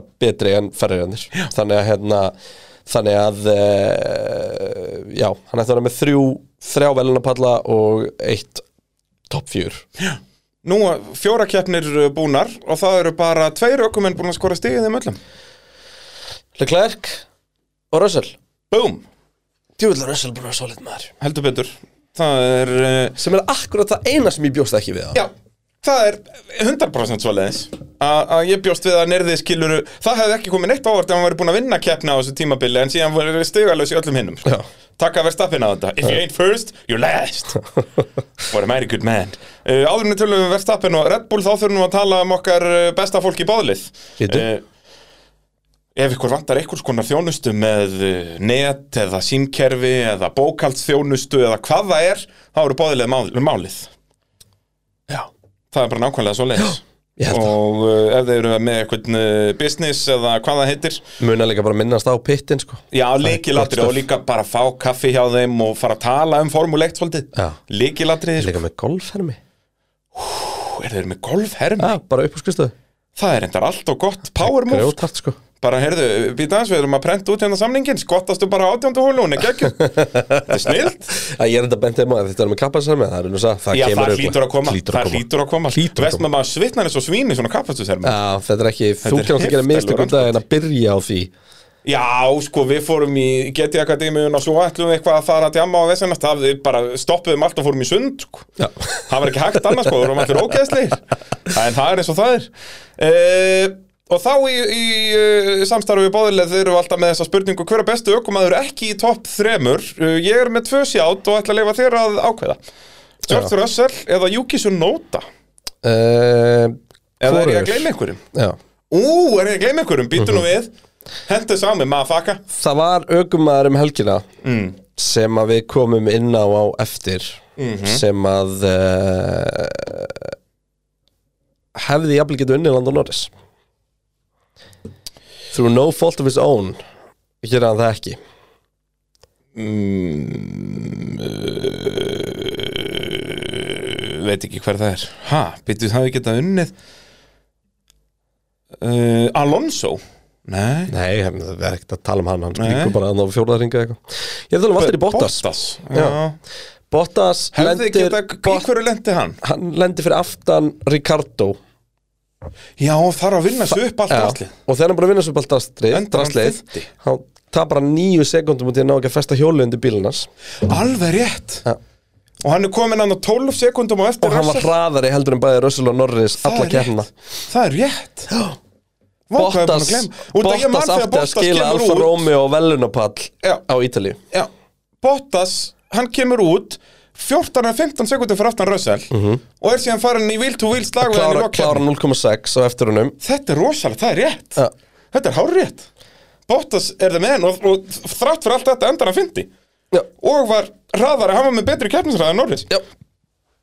Þetta er styrla Jep. Út af Russell náði ekki Norris en Bottas náði Russell Bottas klárar 8 sekundum á eftir Norris tapaði níu pari pitstoppinu og þá erum við búin að sko, þá þurfum við ekki einu svona að tala um Ricardo þannig sko. Nei og, hann, og hann, var þurfti að með- berjast upp já, listan eftir Já, þetta sko. og var líka á, uh, með, með hálf tjónaðan bíl handa þannig að ég ætla að fá að eh, segja Valtteri Bottas Og ég ætla að vera 100% samanlæðir Ég bara og mér kveikti finnst ekki á þessu þegar ég ógeðslega voru að berjast. gaman að geta sagt það um hann því að fyrirfram hefur það verið rigning á emula Já, breytilegar aðstæður Bottas verið frábær góður kantan já hann eða? og sko sérstaklega ef ég hafði sagt þér þetta ég bara í prísi svona testing Neða fyrir það já, fyrir utan það Ef ég hafði sagt þér þau, og Valtteri Alfan er Bottas bara að vera hraðar með hverju kemur Heldur betur, lítur vel út Heldur betur. Tölum betur um þá á eftir nú ætlum við að tala um Red Bull Racing RBPT en hins vegar þá skal ég alveg gefa uh, Russell og Sunoda sleikjó þeir voru döglegir En er ekki Færsunóta ekki örlítið stærri sleikjó en Russell? Hvað finnst þér? Nei, Russell er að skila Mercedes í fjóruða set og meðan Hamilton í 13 sko. Já Já, fa- fannst þér þeir vera jafngóðir eða fannst þér Russell vera betur en svo nota? Já, Russell varðist vel sko í keppni og svona Juki náttúrulega reyndar að fara að vinna sig hellingu framröstum upp. hann að fyrir þessu kennið Já, já. Ég, þú veist, mér fannst þið bara báði mjög flottir Juki gerir hann ein mistök fær stról wheel to wheel, losa sig við hann strax þú og veist bá, stingur hann af er, Mér fannst, mér fannst Verður bara að ekki það voru, það voru lastaþjóri. alveg slatt af aukumönnum sem að eh, ég er bara impressed með sko já, gerður respectable job Og Russell og, Bo- og Sunoda eru báðir aukumenn sem, ég- og meira þess að Bottas líka bara allir þrýr aukumenn sem ég hefði ekki tippað í þessum aðstæðum á Emala sko algjörlega Svo reyndar Róta líka bara var, alltaf- reyndar sko krassi hjá Russell með Bottas í fyrra í svona aðstæðum var út í að Russell var svo fljótur að hann var að ná Bottas skilur Já. þannig að kannski ekki að taka af hann en Russell árað undan klæst á baka öryggisbíl Jep. það og ég okkur gleyma því að hann var svo flabbaleg og mig líka gerði einu það í sinni- fyrra það var ekki eins og í beigju sko nei, það var hann niður í dalinn sko Wow, shit, hvað var bjánanlega Og þá var hann líka á ónýtum Williams í, sko, var hann ekki í fjórðasæti eða eitthvað nei, hann var bara í Var eitthvað stígum áttunda eða eitthvað, já. hann var bara í stígum Hann var í áttunda eða eitthvað, hann var ekki í tíundi, sko, hann var alveg Áttunda, vel inn í níunda eða stegum, sko eitthvað, já. já. Þetta var dásamlegt. Heyrðu, Red Bull, uh, Max Verstappen, fullt hús stiga þessa helgina. Fyrstur í tímatökum, fyrstur í spretnum, hraðastur hingur í keppni og fyrstur í keppni. Og fyrir vikið er hann kom með 59 stig, var bara með 25 stig fyrir sinn eina sigur fyrir þessa keppni. Og uh, Red Bull sömulegis kom með 113 stig, eru núna hvað, bara, hvað eru voru Ferrari með 124, þau eru 11 stigum á eftir. Já, Það er ekki neitt, sko.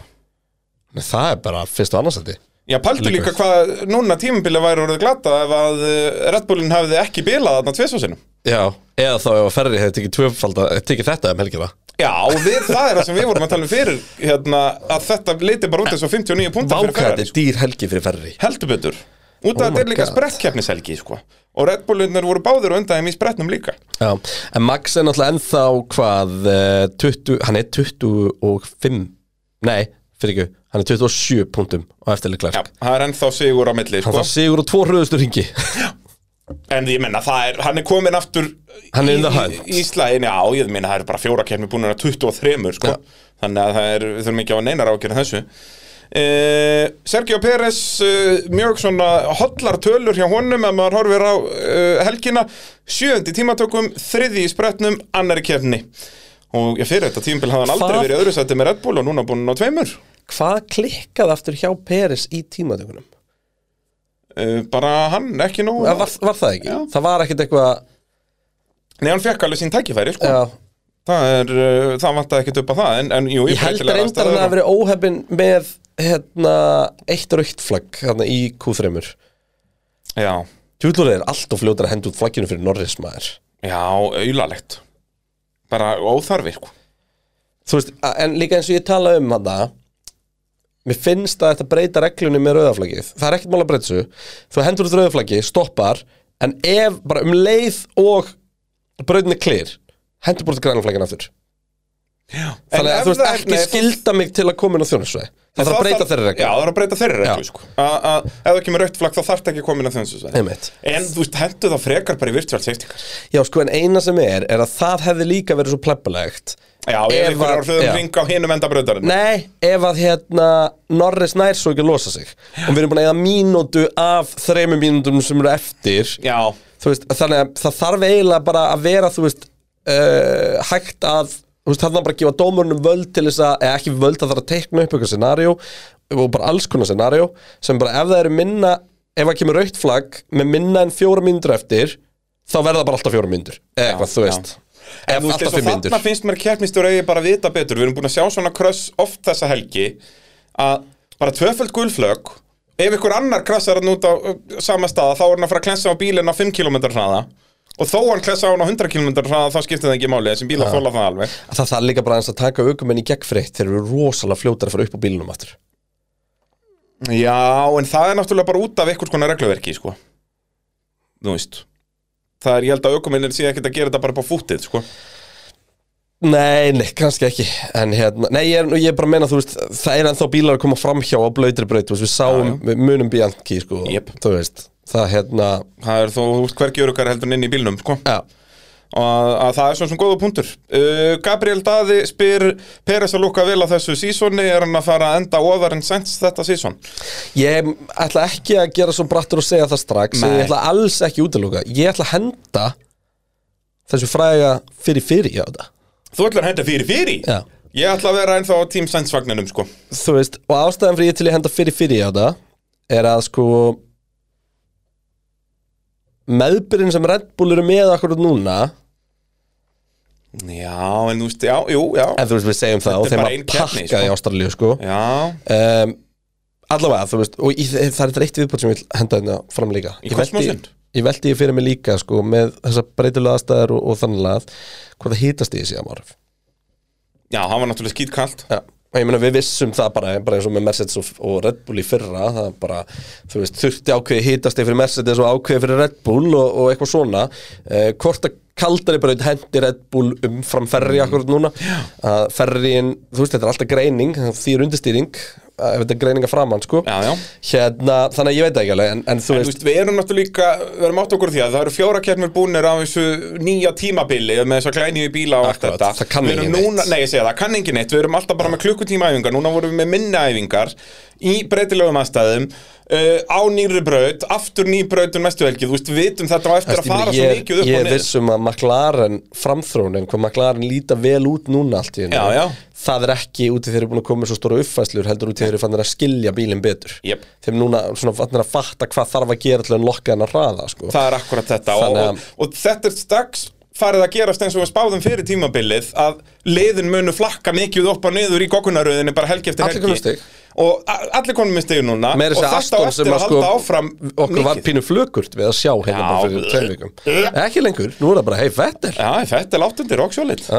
Eh, Þannig að Og við eigum eftir að sjá miklu meira af þessu skilur Það kemur ekkert Vonandi. óvart að í einhverja helgin að verða annarkvort Ferrari eða Red Bull ekki í topp 5 Það kemur bara null óvart einhvern tímann í haust svo rosalegu mun og einhvern veginn já, einhvern veginn í haust já. Já, ég segi það, já, ég er ekki að og tala þú um í ert náttúrulega- Miami og þú ert náttúrulega að tala um hann meiri þú ert ekki að tala um eins og ymmóla hérna sko. Nei, nei, ég, ég er að Algjörlega. tala um bara að- að einhvern tímann mun bara einhver McLaren eða Mercedes eða einhver koma þarna eða ba- eða bara Haas Alfa náttúrulega Romeo hljóta að vinna Miami á heimavelli Já, 100p, á heimavelli, maður. Með kráti með sín Já, á, á já. snekkjunum, á gerfivatninu og Allt. bara Krátað í hans aðdáðandum hann í Miami, sko Það er nákvæmlega svo Nei, en hérna, já, þetta, er- þetta er góða punktur en, en sko, nummer 1, 2 og 3 þessi helgi Red Bull spila er rétt úr öllum spilum Já, Þeir tóku ekki óþra áhættu með dekkaskipti Þeir, tók, þeir gerðu bara nóg um, og Verstappen var náttúrulega bara störtlaður Já, bara þú veist geggjaður kapastusökum Já. það er bara, og það átti engin breyk og hann á svo sannarlega öll þessi hvað þetta eru mörg stig sem hann fekk, 34 stig er það ekki 25 Já. pluss 9 34 að hérna, á þau svo sannarlega skilið og er bara komin aftur in the hunt og Red Bull náttúrulega líka Já, Uh, dásamlega heitt, Andri Viðar spyr uh, sérfræðingar pitsin sögðu að þessi helgi er þið ferrar í alla leið en annan kom á daginn Man Red ekki Bull- eftir því. Nei, hvað, ég veit ekki, hvað Andri er að bylla þarna uh. Red Bull hraðar í keppnisbíl alla helgina en uh, eru þeir núna komnir með yfirhundana líka á brautum sem ættu að teljast ferrar í brautir? sko, ég náttúrulega hef alltaf sagt að eh, Red Bull myndi vinna á ymmóla Já, við sögðum það alltaf og að Ekki reyna að, ekki, eh, ekki setja reyna- orð í munn á nei, okkur. við viljum ekki svona bull Nei, nei en svona öllu kannar sleftu sko, þetta kom mér gríðarlega ávart Já. kom mér svona og ég veldi því fyrir mér sko, þú veist Red Bull eru að vinna Ferrari út af því að Ferrari er ekki að performa var þetta út í að Red Bull þú veist, va- var Red Bull að eiga styrlaða helgi Og- eða var Ferrari að liðlega helgi eða bæði ég held að það sé sitt lítið á kóru Ég held það alveg líka Það er bara Ég er ekki svoleiðis. viss um að Red Bullin sé komin í eitthvað algjört optimum að það Nei. En Þetta er bara eins og Ástralía, þá var Ferrari Akkurat miklu öfugt. betri Já. Þa, Þetta er í rauninni alveg eins og Ástralía nefnum bara- öfugt núna Þú veist, Ferraríin var það lélug Nefnum bara núna núna og voru 200.000 ítölsk hjörtubrotin í leiðinni á heldur staðinu betur maður í grasprekkunum Já, búin að sitja á sér tekningula alveg agalegt sko þannig að ég er bara virkilega peppað fyrir Miami alveg nýbraut aftur og, og það voru bara kasta teiningunum Tölum aðeins um hann eftir og svo hittum við náttúrulega vel upp fyrir hana Hittum vel upp í næstu á, viku. hérna, á pittunum.is en, en ég var einmitt að skoða hana og ég get eiginlega ekki sagt þér hvað bílum er betri sko. ég held fyrst að þetta væri Ferrari. Red Bull nei, Nú. sagði ég ekki Red Bull fyrst og það var svo langir beinu kablar Já, Ég held að þessi Red Bull eftir því sko þetta nú var það þannig, ég man að við vorum uh, Ósamála ósamála síðast var, ég, þá, var það þá öfugt, ég held ég að Nei, þetta gæti verið Já, Ei, þú sagði þetta var núna Ferrari er- og ég er Red Bull núna er búið að gefa út onboard sko að, úr, úr hermi já, og þá finnst mér hún meira Red Bull en, en þessi braut er hell að stilla upp fyrir hún er, hún er bakúlevel hell já að þetta stilla upp er bara fyrir það eru, þú veist, Það er algjör andstæður þröngu viðbjóður bara líku við svo kastalaseksjoni í Bakú og síðan ertu líka með geðvikislega langa beinakabla og og hraðarbeigur svo og ertu með hra- hægarbeigur hraðan flæðandi kabla Þetta er rosalegt. Eh, tímatökusvæði tvö minni mig Já, því að startið er ekki á beinu langa þarna. kablanum Nei, það er svo steik Þetta er eins og í Abu Dhabi þetta er eins og í Kína Já, og Abu Dhabi að það já, já, rafkablin er, já, er já. minni Emmett. beinakabli heldur en aðal beinakabli Einmitt. hérna, þetta er mjög áhugaverð brutt Já, ég, ég, ég er held- ég mjög held að peppaður. gæti bróðið mjög Og það skemmt verður ekki, þetta er mjög töff bröðastæða þarna sko Já, og það er svona Þó að þetta sé Miami bílastæði. stælar yfir þessu öllu Ég, ég já. fíla líka hvað brautnar eru núna Margar, fannar eigna sér einhverja liti Já, og Þú bara svona allir að reyna að vera með sitt identity sko. Já, það er ekki lengur sko Það er ekki lengur bara, þú veist, jú, fórstu mala sér og var svona bara Petronas út um allt einhvern veginn skilur, ok, fæn, og þú fórstu Ástralíu það var Fosters út um allt Núna er bara Ástralía að eigna sér sína liti Já. og Miami að eigna sér sína liti og á Ítalíu veist að körpin er alltaf í ítölsku fánalitunum og svona sko Þú veist, Já, það er bara að geðveikt, hafa sko. svona identity Já. Þannig að þú getur verið að hor- búin að horfa á kapastunni í tvær sekúndur og vita hvar það ert og það verður þannig þarna þótt Já. að sko, við séum að háa veggi allan ringin eins Höfum og, við séð pálmatri mikið í formúlu til dæmis? já, pottitt Hvar hafa verið pálmatri? niður að hafa spurðuna bara, Er það, er mikið að pálmatrjum í bara einn og svona? hæ ekki Það er aðeins eitthvað svona fyrir utanbröðina En samt ekki ég, mikið ég sagði miðjarhafs ekki, ekki, Já, já. ekki miðasturlanda, en jú, það er það var í sáti og svona Já, þú veist, það er ekki, já palm trees Palm trees En þetta, ég er allan að peppa fyrir Miami, það heitir víst Þá skulum við tala um en sko, er, Mercedes erum við búin að klára Red Bull það er eiginlega að tala um Red Bull, þeir voru bara geggjaðir Já, það er nefnilega það að finna, sko, að við fengum ekki mikið að spurningum um Red Bull, bara út að þeir voru svo geggjaðir Síðan var hrúa Mhm. En spurningum spurningin, um Mercedes spurningin þannig að eru þeir núna konum með yfirhundina líka fer, brautir sem að telast ferri brautir og ég myndi segja að svarið þar sé nei Samanlega því en, en það eru rosalega góð teikn á lofti með það að Red Bull ná að taka slægin núna á þessum brautum e- ólíkt bara inn og Ástralíu, Mhm. mm þannig að hérna, það sem að þú veist Leclerc var bara fljótar en verðstafin Já. þú veist og sérstaklega í Ástralíu Já, en málið er að í svo- Ástralíu þegar bílinn var ekki eitthvað lélugur var Verstappen samt örugur í öðru sæti þú stanga til bilaði Já, það var þó til að Sainz var búin að bomba út af vissulega Sainz æ, hefði átt að vera að pressa á, Leclerc- á Já, verðstafin og við fengum aldrei svar við því alveg rétt, alveg rétt.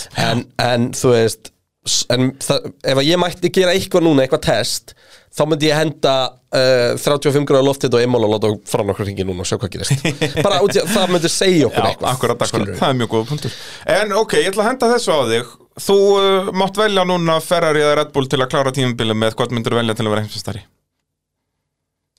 Þú veist, ef að þú verður að fara að keppa þú ættir að velja bíl um, ég held ennþá að Max Verstappen verði heimsmyndstari sko En er það út af Max Verstappen eða er það út af Red Bull? þú veist það er bæði Þú Ég hendir, hef... þú hendir í fyrir fyrir á Peri Sainz já og ef ég En ég, ef- ég, ég, ef ég, sammála ef því, ég er meiri trú að Verstappen heldur en Leclerc í En eh, sko, það er það sem ég titilstafnum segja, ef ég er fyrir fyrir á Red Bull og Ferrari þá er ég Verstappen sko. Verstappen megin megin sko. 100% En hvað Um, bílinn myndir þú velja? sko, miðað okkar Peris er að gera fína hluti á hann þá er þetta örugglega bara mjög góður kappaðspil um, en þú veist Red Bullin sem við sáum í Ástralíu sem ekki gleyma, bara tvær vikur síðan að við sáum hann byrja á að slátra dekkjunum og sprengja svo mótor, sko, Jep. þú veist, það er ekki alveg bíllinn um, ég það er örgulega búin til að svo langt sinni ég sé ferri góða að manni líður ennþá eins og þetta sé pínu flúk Mhm. að ég hallast ennþá að Red Bull Þú veist, að Red Bull kunni að klára heimsmeistaratitil Það er akkur málið, það er samástað og ég myndi velja Red Bull frekar en Ferrari Ég er bara, ég hef meiri trú á Red Bull yfir heilt tímabil í þróunavinnu og öllu þessu Já. heldur en Ferrari Jep, eh, bræði, En Það er, já, bara svona sögulegum ástæðan Við erum bara svo lengi, ég þarf að elsta eitthvað podcastpásu Já, ég fíla það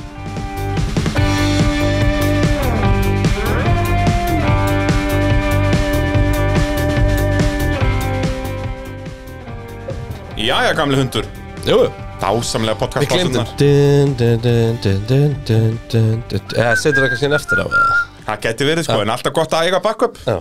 Það er leikilandri í þessu Tölum um Mercedes sem er í þriðasætti heimsættaramótunum með 77 stig Eru bara rock solid í þriðasættinu Eru langt á undan eh, McLaren og langt á eftir Red Bull uh, Sir Lewis Hamilton uh, Því líka sögru að helgin sem hann átti 13. í tímatökum, 14. í spretnum og 13. í keppninni Þráttur að tvei bílar fyrir framann, hann falli aftur fyrir hann í startinu sko. Já Það er uh, nákvæmlega svo les George Russell 11. í tímatökum uh, 11. í spretnum og fjórði í keppninni Þeir náttúrulega tapa báðir sætum hann í spretnum en uh, Russell nær að vinna sig aftur upp í 11.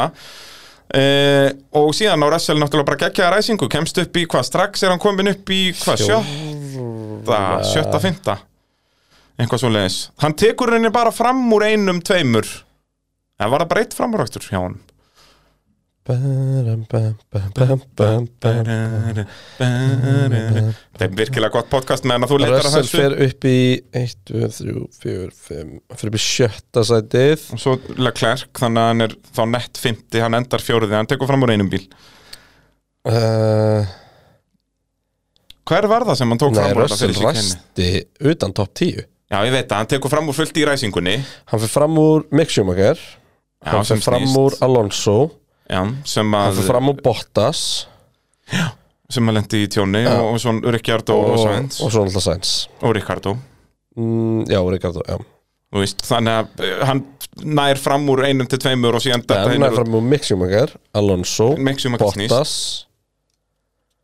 Já, já, já, já, já, út af fyrstu beginni Já, og síðan hann tekur vissulega fram úr Alonso en hann lendi líka í samstöðu við Mick Schumacher var það ekki Schumacher sem Ég, fyrir ég held að Russell sé komið fram á þeim Fyrir það Já, ég, hann átti mjög góða ræsingu, það er það sem ég er að segja Akkurat. Hann framúr Hann kom sér bara á réttan stað strax Akkurat, akkurat. Já. Og fer svo fram úr uh, Kevin Magnussen bara á 11. ring Já, það var hann í síkenni alveg rétt Mm. Magnussen er hægur út úr uh, dalnum, upp úr dalnum og missir uh, síðan, síðan eldi botta sem bara þar í gegn Akkurat, akkurat uh, Jakob Helgi spyr eh, Þegar Russell skipti yfir á slikkatöluð í útsendingunum hann hafði beðið um að láta breyta stillingum á væng í stoppinu Hvernig er það með parkfermi, hvað má gera á meðan keppni stendur Það má alltaf eh, breyta þessum klikkum eins og Þessi kvöldum á, flaksar. eh, á Já. aðalega framvæng Já. A, og við sjáum þetta oft, þá- þú sérð oft mann bara við framtekkin með svona lítinn eh, Sexkant. sexkant Já. basically og bara svona snúa eitt ring í Já. aðra okkur áttina og þá er bara aukumæðurinn búin að byggja um það bara, heyrðu, ég vil fá aðeins meira eða þetta, minna þetta er svo kallar flap adjustment og þetta er bara,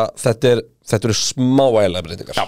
þetta er bara svona, þú veist, þetta er, er raunur og gert í eil öllum þjónustöðliðum út af því að balansin bara breytist bara út af þingbílsins bara á sko. þurrið Já og bara þegar dekkin eða Já. sko þú ferðin á mismunandi dekk og svo leiðis þá er alltaf, heyrðu, eitt klikka framann a, a, og það er yfirleitt það er ekki hérna með afturvængin, það er ekkert að tjósta hann eða það, er þetta ekki aðalega bara ég er ekki viss um að það sé einu svona hægt á þessum það var hægt á gömlu sko já, það er akkurat mælu, þetta er Þú eitt veist, það er, stykki það er þarna. hægt að stilla hann Já, skilju já.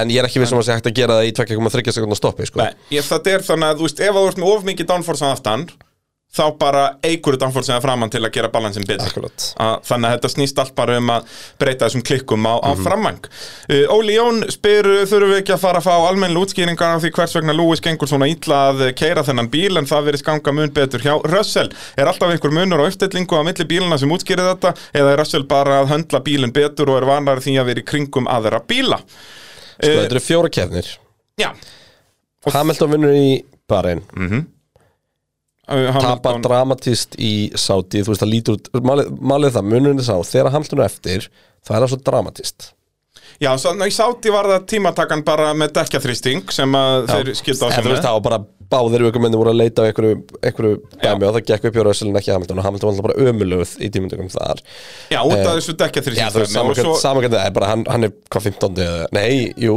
var það ekki? nei, hann datt út í Q1 Hann Það er ekki einum, já, hann var ömulögur Já, og, en Og- síðan í keppninni er hann óheppin með átan ákveður að byrja á millihörðu sem að snýrist bara um heppni með öryggisbílinn, hann hefði alltaf endað upp við hliður Össel Já, hvernig fór aftur í Ástralíu Var maður segja- þá Hamilton ekki á Hamilton er undan? fjórði það- Nei, já, nei, Russell er þriðji og það er þriði og fjórði Þriðji og Já, fjórði. Hamilton óheppin með pitstop eða sérst Össel græðir á pitstopinu manstu, með, en Hamilton var hraðari þá uh, Já, var með, með já, framan af Þannig að hérna, þú veist, þetta er ekki svona dramatíst uh, sko, En málið er bara það að, að Feiljurarnir hjá Hamilton eru búin að vera svo dramatísk Þú veist, það er fyrst svona í stiga leysi Mm, einu sinni, hann náði tíunda eins ándi Hann náði tíunda, ég sátti Alveg út rétt af allir dutt út Ok, en þú veist, tíunda þú veist. Já, já, og Hérna, það er út af aðrir dutt út á meðan að Mercedesin við vorum að tala um fyrir að svona, hann liti út fyrir þessu einskinsmanns landi þannig að Mhm. fyrir aftan Red Bull og Ferrari sem að ég held að hann síðan þá nema Já. Mm. McLarenin leit vel út núna að Russell hafi ekki náð Norris fannst með magnað sko. já, ég minna Norris talaði um það eftir, eftir uh, spretkjæn að McLaren var um þrið hraðast bílinn akkurat, akkurat þannig að hérna allavega, En sama, málið sama hvernig núna það er- er þetta er bara svo dramatist þegar Hamilton hefur, verið að- hefur ekki verið að ná sig en þetta eru fjóra kefnir, þetta eru tvö klúður ok, það er alltaf mikið þú veist. Já, þess að tvö klúður, þetta er ekki í þessi helgi og fyrsta helgin sem er í alveg, alveg 100% hægt að skrifa þetta miklu meira á Hamilton frekar en eitthvað að þeir hafa verið að fokka upp eitthvað uppstendingu á bílnum eða eitthvað Já, sem er sko, þetta það alltaf sem líka ég Hamilton upplýði svo hjá Hamilton var svona uppgjöf sko. Já, þú veist, alveg eins og ég pyrraði með á í keppnum og við rættum sem ég fannst hann ekki vera að sína grimdina sem að Lewis Hamilton hefur já þegar hann bókstala hefur engu að tapa sko. Okkar allra besti kitti, Kristinn Svensson spyr eh, Er Hamilton búinn að vera þetta atriði þegar hann þorði ekki fram úr eh, Hvað var það? Ég meina 14. sæti, engu að tapa og svo sem ekkert að vinna heldur sko, Við erum Ég- í ósamál um þetta Þér finnst að það hefur bara ekki verið neitt mál fyrir hann að fara utan á gasli þarna nei ég sagði aldrei að ég ætti vona að hann fæði framrúnum Nei, en, eh, En ég, að vild, fara upp ég að vildi hliðina á sjá honum. hann fara upp á hliðina á honum Nú erum við að tala um þessa Arabi og tífið erum búin að ræða þetta mikið sem er Tamburello sem er fyrsta beðan og á ekki verið unnu beðan og er Yep. óþálandi En hérna uh, sko alveg eins og þú bendir eftirlega á með það þá er, það kemur svona kink fyrir beiguna bremsupunkturinn er ekki alveg beign Já, er í pínu beign og það sem hann alltaf var að trubla þarna var að bremsupunkturinn er aðeins fyrir kinkið sko í bleitunni, en þarna var orðið þurrt ok, það er blautlínandi hliðar og aukumæðurinn ætlar ekki að fara að prófa hvernig það er að fara út fyrir það en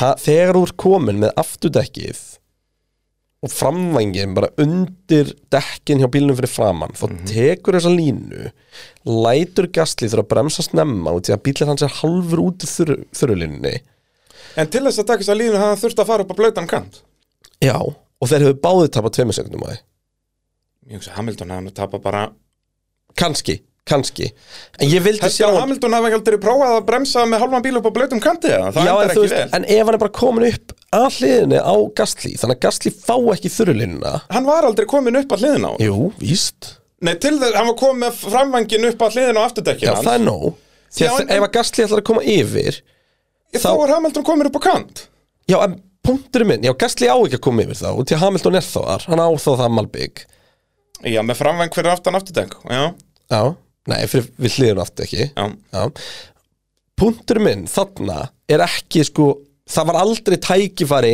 fyrir Lewis Hamilton að taka eitthvað dífu og utanverðin og fara fram úr. Punkturinn minn sem ég vildi sjá hann gera var að rífa Gastli út úr DRS-unum með því að Gastli tapi tíma á þessu. Þú veist, hann fer upp að hliðina á honum gerir vonda línu og tala nú ekki um í ljósið þess að möguleikin virtist vera svona mestur fyrir Hamilton inn í Villeneuve sem er næsta beigjan og eftir tala nú ekki um það að setja Gastli í óþægilega línu þarna í gegn Já.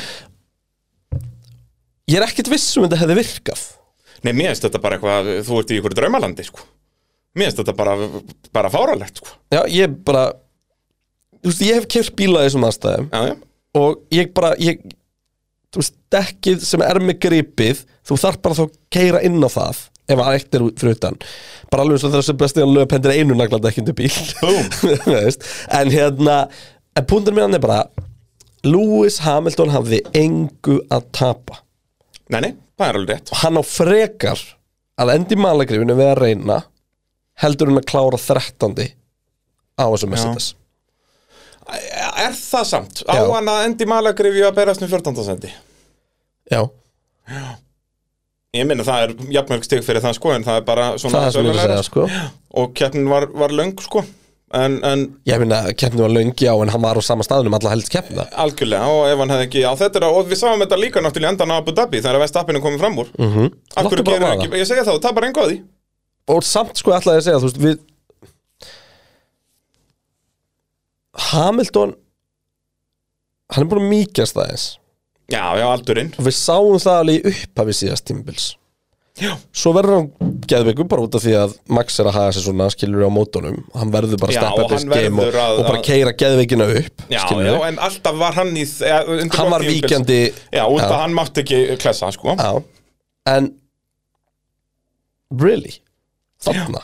Já, þarna held ég bara að heilin í Hamilton átti sem á því að þetta sé glórulust sko en, en þú ert ósamála því Já, Það er, uh, þannig uh, fórum sjóferð þá uh, Valgir Pálsson spyr uh, hverju eigið þið von á og hvenar megum við eiga von á fréttum varðandi samningi á Hamilton fyrir 2023 ég minnst þetta ókvæslega fyndið að það er einhvern veginn það lifnaði bara yfir einhverju umræðu um að hann væri bara hættur eftir þetta einhvern veginn þú veist, Já, eftir náttúrulega radiomessage með Tóto Talum, tölum nú aðeins um það þegar hann er að beðast afsökunar Já, Tóto bara eftir keppnu bara eh, sorry hvað þessi bílum ekki rusl Já. Hann var, er eh, það ekki bara tilfinningin að það? Jú, 100% og, og mér finnst þetta bara verið velgert hjá Tóto þarna að- að- að- út að hann náttúrulega vill ekki að Hamilton líti út fyrir að vera búin að missa það sko, eins og hann leit út fyrir að, þessa helgina bara Já, rössum já, að en pakkunum þarna er bara brautastæða nummer 1, 2 og 3 sko. Nákvæmlega og uh, Valli spyr líka hvenar kláraði Big Ham síðasta keppni utan stiga mér fannst þetta nefnilega áhugavert, ég fór ekki að researcha þetta aðeins og það eru komin sko, þetta eru tíu mánuður síðan þetta var bara í bakhói fyrra Já, það sem ekkert bilar er þannig, það er bara mistökja honum Já. En hvernig ætlan að við síðast klára keppni svona on merit utan stiga, var það ekki bara Það var- Breitland 2009? Nei, það var bara Barcelona 2013 En það var samt út af, ég hef ekki séð keppnina Ah. En hann ræsti annar Þú veist, Mercedes lestu fremstur og þó að þetta sé fyrir turbo hybrid að þá voru Mercedes ágættir hann 2013 og, en hann endar 13, ég man ekki af hverju hlýtur að vera eitthvað upp að koma En Ég það man er frá allavega í- 2009, í hann- Breitlandi 2009 Já, það voru alveg fjórar keppnir í röð 2009 sem hann endar utan stiða þegar Ah. að með mitt tímabili þegar bílinn var bara sorg Sorp, já Og samt Þannig að ekkert það að manna er kemna basically þessum bíl Já, en núna, hann, það er náttúrulega aðalmetið hans Hamilton, það er ekki aðalmetið, eitt af metunum hans, það er að hann vinnur keppni á hver einasta sísoni í Formule 1 Já. Nú er það bara í alvarlega hættu Já. Það er bara Heldur svoleiðis betur. Og stóra spurningin alltaf núna bara með Mercedes Sko, þú veist En fara niður hann að einhverja ákveðna hólu að hanna bíl sem á að vera samkvæmt þeim geggjaður mm -hmm. eða samkvæmt þeirra data Mhm. Já, já, eh, með einhverja filosofíu já, en að meina önnu lið virðast vera að ná skrefum Mhm. það var ekkert að gerast hjá Mercedes nei, þeir komum smá með alveg breytingar Mhm. dass af þarna. upphættu núna, allar á gólfinu sem að lofa hann góðu En þú veist, bílinn leit vel út hann í FP2 og ég held að það sé að var alveg um hraði í þessum bíl En, það er mér rössali fjóriði já, en samt ekki hraðar en McLaren, það er góða punktur nei, hann er 50 ræðasti bílinn hann nei, fjóri Fjórði. ræðasti bílinn já, Já. og Bottas var ræðari sko.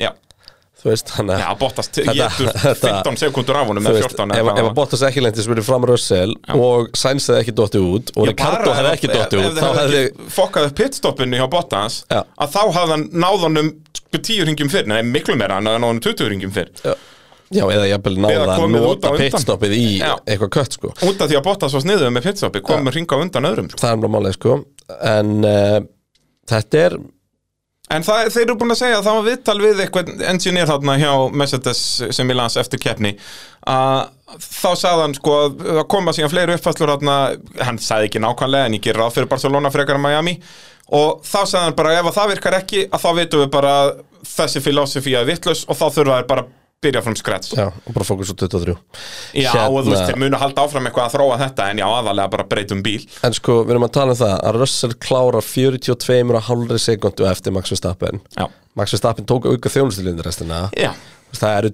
þetta er 20 mínúta á og- eftir sko. Já, þú veist, Max var alltaf mjög fljótur á dekkjunum eftir að hann tók það hana Þú veist, Mm. segjum þetta séu 55 sekundur Já.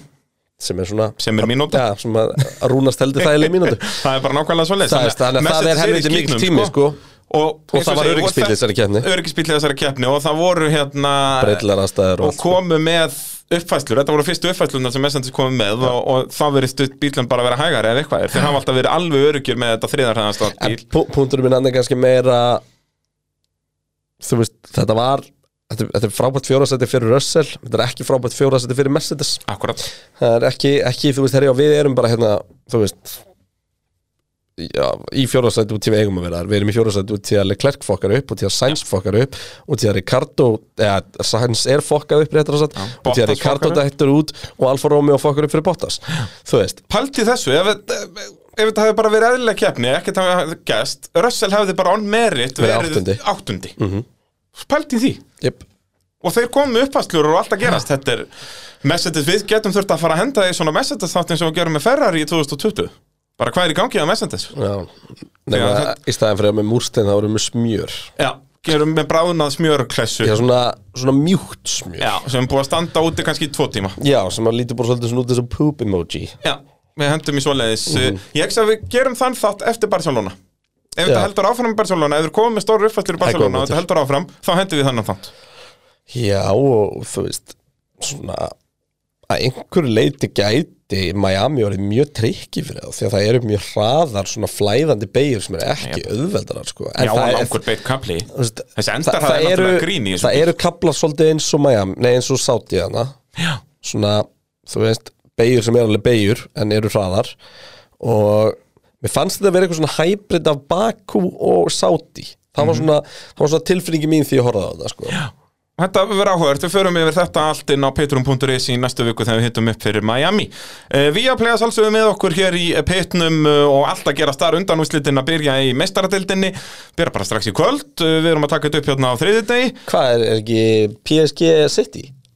PSG, nei, nei, það er Real City. Real City myndi PSG 2016. Herri, já, já, já, á, veist, okkur ég sagði þetta og því ég sá einhverja auglýsingu frá Pepsi Max í gær þar sem að Messi var að opna ískápin og taka út einhverja, einhverja Já. Max-flösku og á henni stóð bara City og og Real nema út í að Messi var þarna, þá hugsaði ég, P- auðvitað, PSG er náttúrulega út Já, já. ég hugsaði bara PSG út, ég sá bara Messi taka flöskuna Nei, nei, og í kann hversu ekki leiðaldi fyrir Lionel Messi að þurfa að auglýsa að Real Madrid og Manchester City sé að fara að berjast Jeps, það er út af því að hann er eitthvað auðvitað mistaradeildina, þetta er ákveðin skellur uh, og síðan er Liverpool gegn Já. Villarreal í hinnum það er náttúrulega Villarreal náðu að vinna Bayern sem er magna en svo er ég núna aftur komin ólinn í naskarið Já, þetta er bara, ég horfði á alla tala deka og þetta var eiginlega fyrsta skipti sem þú það mikið að cautions já það er alltaf the big ones á tala deka sko og, en núna er ég komin meira mér finnst þetta skemmtilegur en við þótti þetta í fyrra í fyrra komst ég aldrei almennilega inn í sportið einhvern veginn, ég var alltaf að ljúa sjálfum mér að þetta væri snildbar út af því að ég horfði á Days of Thunder þrjóðsvössinu fyrir keppni og, og þú veist, Talladega Nights eftir keppni og þú veist, bara, þá var þetta meira svona því að lúður í kringum enda, sko, en núna er ég komið meira inn í the racing, sko Þú dettur ennþá meirinni og horfur á Bubba Wallace hann Já. leiti nú alveg tvo ringi eða eitthvað Toyotan var ekkert svo sterk og Chevroletin kom sterkur inn og það í, á Daytona sem var mjög snemma á þessu tímabili sem er líka Super Speedway þar voru Chevroletarnir geðveikt góður í tímatökum en voru ekki með neitt race pace Já. þeir voru búin að læra af því núna voru bara ég held Tóku að svona minn maður- ferrari í fyrra á þetta Já, tóku sko, ég held að minn með að Chase Elliott hafi kvalifaðið 28. eða eitthvað og síðan var hann bara í toppslagnum allan tíman sko. Já. og það, þetta er líka svo fyndið að tala dega að bílaframleiðendunir vinna allir saman þó að þetta sé ekki einu sinni liðsfélagar Bömpa hverjum örum og eitthvað Já, og fara allir inn í pitt á sama tíma þannig að þegar þú kemur út úr pitt þá ertu náttúrulega í einskilsmannslandi og ef þú ert í einskilsmannslandi að tala dega þá getur þú glemt í að vera með í keppnut og verður að vera með eitthvað til að drafta Já. þannig að þeir fara allir inn í pitt á sama tíma og kom allir þannig að geti drafta hvern annan á leiðin út og síðan er þetta ef þú ert einn einhver staðar þú getur verið fremstur en þá verður ykkur að vera að bempa þig fyrir aftan þetta er svo steikt sko. þetta er ásamlegt en uh, NASCAR og síðan heldur það bara fram næstu helgi þetta er einn tóhafingja NASCAR er náttúrulega bara keppni allar helgar sko. Já. þannig að ef fólk eh, vill vita hvernig formúlan væri ef það væru 40 keppnir þá getur það að fara að horfa á NASCAR Já, en maður sér það samt, þú veist, sigurunum er ekki, þeir eru ekki upsætir í næskar Nei og svo náttúrulega þessu playoff kæftæði þá er þetta bara þvæla sko. ef ökkum er nú búin að vinna keppni þá þarf þetta ekki að ágjöra þessu hann er komin í playoff Það er svolítið þannig Eh. en vissulega vinnur eitthvað playoff stig og eitthvað en það er gaman að því Eh, Já, hvaða, hvaða erum við að fá um uh, næstu helgi? Sko, það er DTM frá Portimao wow. Það er Viet Supercars frá Perth það, herðu, þetta var rándýr Það helgi er Indy Grand Prix of Alabama Já, Indy í Alabama, já Já. Það er ekkert annað eh, Ég Það sé er ekkert, Dover ég sé ekkert naskari næstu helgi Eh. Það er, hár rétt hjá þér Nei, býtu, jú, það er eh, Er það á föstudeginum þá? eða? Maður sjá, Cup Series, þetta er Dover sem er bara út að naskar á Doverbrautina þá, eh, þetta er fyrsta maður, jú, jú, þetta er næstu helgi Já, bara vantar að setja inn á Það er bara ekki komin að þetta, við að er, þetta er líka fyrr, þetta er ekki þetta er á sama tíma að tala deka Svo er hérna, svo er IMSA um næstu helgi líka Hói! Þannig að það er hellingur um að vera Já, American Racing and German The Germans are back Sjöðumens? Það sem að Ferrari eru ekki að gefa bíl allt í hennu Tvílega skrýndi Já, í þýska, það er mjög einkennilegt Já, það er mjög Það skrýndi er að sko. bara bensi ekki að berast í BMW til hábarna skammar Og einhver átjar Ég segi það. Herðu, McLaren, uh, bara í virkilega góðum málum, er í fjórðasætti í heimsvættarumótunum með 46 stig, Landon Norris þriði í tímatökum, 50 í spretnum, þriði í keppni, mögnuð helgi hjá Landon Norris með að við skítin sem maður held að McLaren væri í eftir bara inn. Já Það byrjar mjög fundið hérna og tryggja sér þriðasætt í tímatökum í rauðuflöki Já, bara eins og sem maður var gerir. samt ekki tryggt sko. Nei, og þeir nei. fengu að fara aftur út en um, já uh, bara geggi Helgi og Landó og uh, ég fór að pæla í einu sko, þú veist ef við erum að segja að Norris sé á pari við verðstafnileg klærk Hamilton í fyrra Mhm. er þá ekki bara Ricardo á pari við þú veist Bottas, Peres Já, núna, þú veist bara solid, hann solid getur númer keftur tvö. að bíl hann bara Já, hann er ekki í- á, á sama stað og hann var í byrjun síðasta tímabil. sko. En þetta var blöðurlegt hjá honum hann í byrjun sko en hann Mjög. en þetta, er, þetta er samt líka bara óefnilegt hvernig snertingin verður Það var fullt af öðrum snertingum hann En bara Þetta er akkurat hvernig bara fer dekki hitt- Já, framöksulli afturöksul akkurat og, og sæns hann bara snýst næstu upp á hann skilur Já. Og svo kemur bótt og svo tryggir að hann fara út af Jep, það magnaði þessi framvængur brotnaði ekki undan Alfa Romeo bíl Ég held að það hafi ekki komin eitt högg á framvængina við þetta, var, svo sást nefið sko. Já, nefið var líka alveg það var gott Það ör þarna verið góð loftarsting hann í gegn Já, heldur betur. Uh, Kolbett Karl spyr, hefðu McLaren ekki átt að hafa hörðudekkin, hefðu ekki verið átt að vita að hörðudekkin væru hræðilega prófuðu ekki fyrir keppni. Þetta er nefnilega málið með sprettkeppniselgar að þá eru prófanirnar mjög litlar Já. og þarna voru líka breytilegar aðstæður þannig að FP1 gáttu þeir ekki gert neitt Nei, þú veist, ég meina að Ricardo var bara fastur aftastur í lengstu lest sem að við höfum séð síðan að Jarl og Trúli var í formúlunni sko. þannig að hérna, þannig að uh, þar, ég virði bara maklarinn að, að hérna, að gera tilunir um, og ég er ekki viss um að við höfum eins og séð alveg hvað hörðu ekki gátu því að það var hellingstjón á maklarinn Já, gáðu það út eftir kefni að það var alveg performance tjón á honum já, já að hérna var það ekki gólf og eitthvað, það var eitthvað allt í það sleik fer hann yfir og það er Já. að skottast yfir allt saman og svo veit maður ekkert hvað þannig að við tekja eitthvað kant grimt aftur eða eitthvað sko Akkurat, Þannig þannig að að hérna- Ricardo var svona uh, hvergi í þessari keppni í rauninni sko. Þannig að e, Jú, hefðu þeir átt að vita með hörðudekkin, þú veist, jú, auðvitað eiga liðin að vita hvernig dekkin performa en það var bara En þú erfitt veist, þarna í breytilega og líka bara mestaðum í, ef- í æfingum ef við tökum bara samanburnaðum í tímatökum þá áttir Norris bara geggjaðan ring Já, þriði, þú veist, Ricardo sjötti það er ekkert að skamma sem fyrir á, á þú veist bíl sem að það sem þú ert með sko í fyrsta, öðru, þrið og fjórða átt að vera með þannig að sjötti er nú sæti sem hann átt að vera að ná í sko Jöp. Eh, fyrir utan það að uh, Bæði Sainz var Perez fyrir og Sainz aftan hann fyrir og aftan. Peres líka en allavega um, svo varstu með hérna svo varstu með uh, hann, þú veist hann klára sjötti í spretnum Norris er þá fallin að honum þeir klára bara hlifið lið, Mhm. alltaf ellert þar rock solid og hann bara ræsir þú veist, hann fína ræsingu eins og Norris í, í keppni og Það bara verður fyrir svo svona fyrir fallið bara að hann átti svona ágætis ræsingu þrátt fyrir að vera á blöytari helming brötarinnar í rauninni Já. uh, Voru maklarinn að koma upp festlur núna sem að hjálpa þeim að uh, me meir hraða eða var þetta bara brötin eða hvernig er ég held að þetta verið meira verið bara eins og vorum að tala um áðan þeir skilja bílinn betur ég held, já, ég, ég þú veist, og hvort uppfæslan hjálpið þeim að gera það? Æ, Það alveg gæti vel verið. örugglega, þetta þeir þetta er komu held ég með bara, þetta er bara lítið þar og blanda af öllu og það bóða bara mjög gott en meðum heldur ekki glemma því að þeir voru í balviðu basli Rikard og slefti heilin æfingu að út af bremsuvesin og Bottas Norris, líka. og Norris líka og Bottas líka Norris Þannig að- fór bara þrjáringi þeir voru ennþá í þessu bremsuvesinni sem er ennþá að tröfla það er það, því að það var skýt kallt hana Já, þetta er bara mjög einkennilegt Þetta er, eitthvað, þetta er ekki skiluru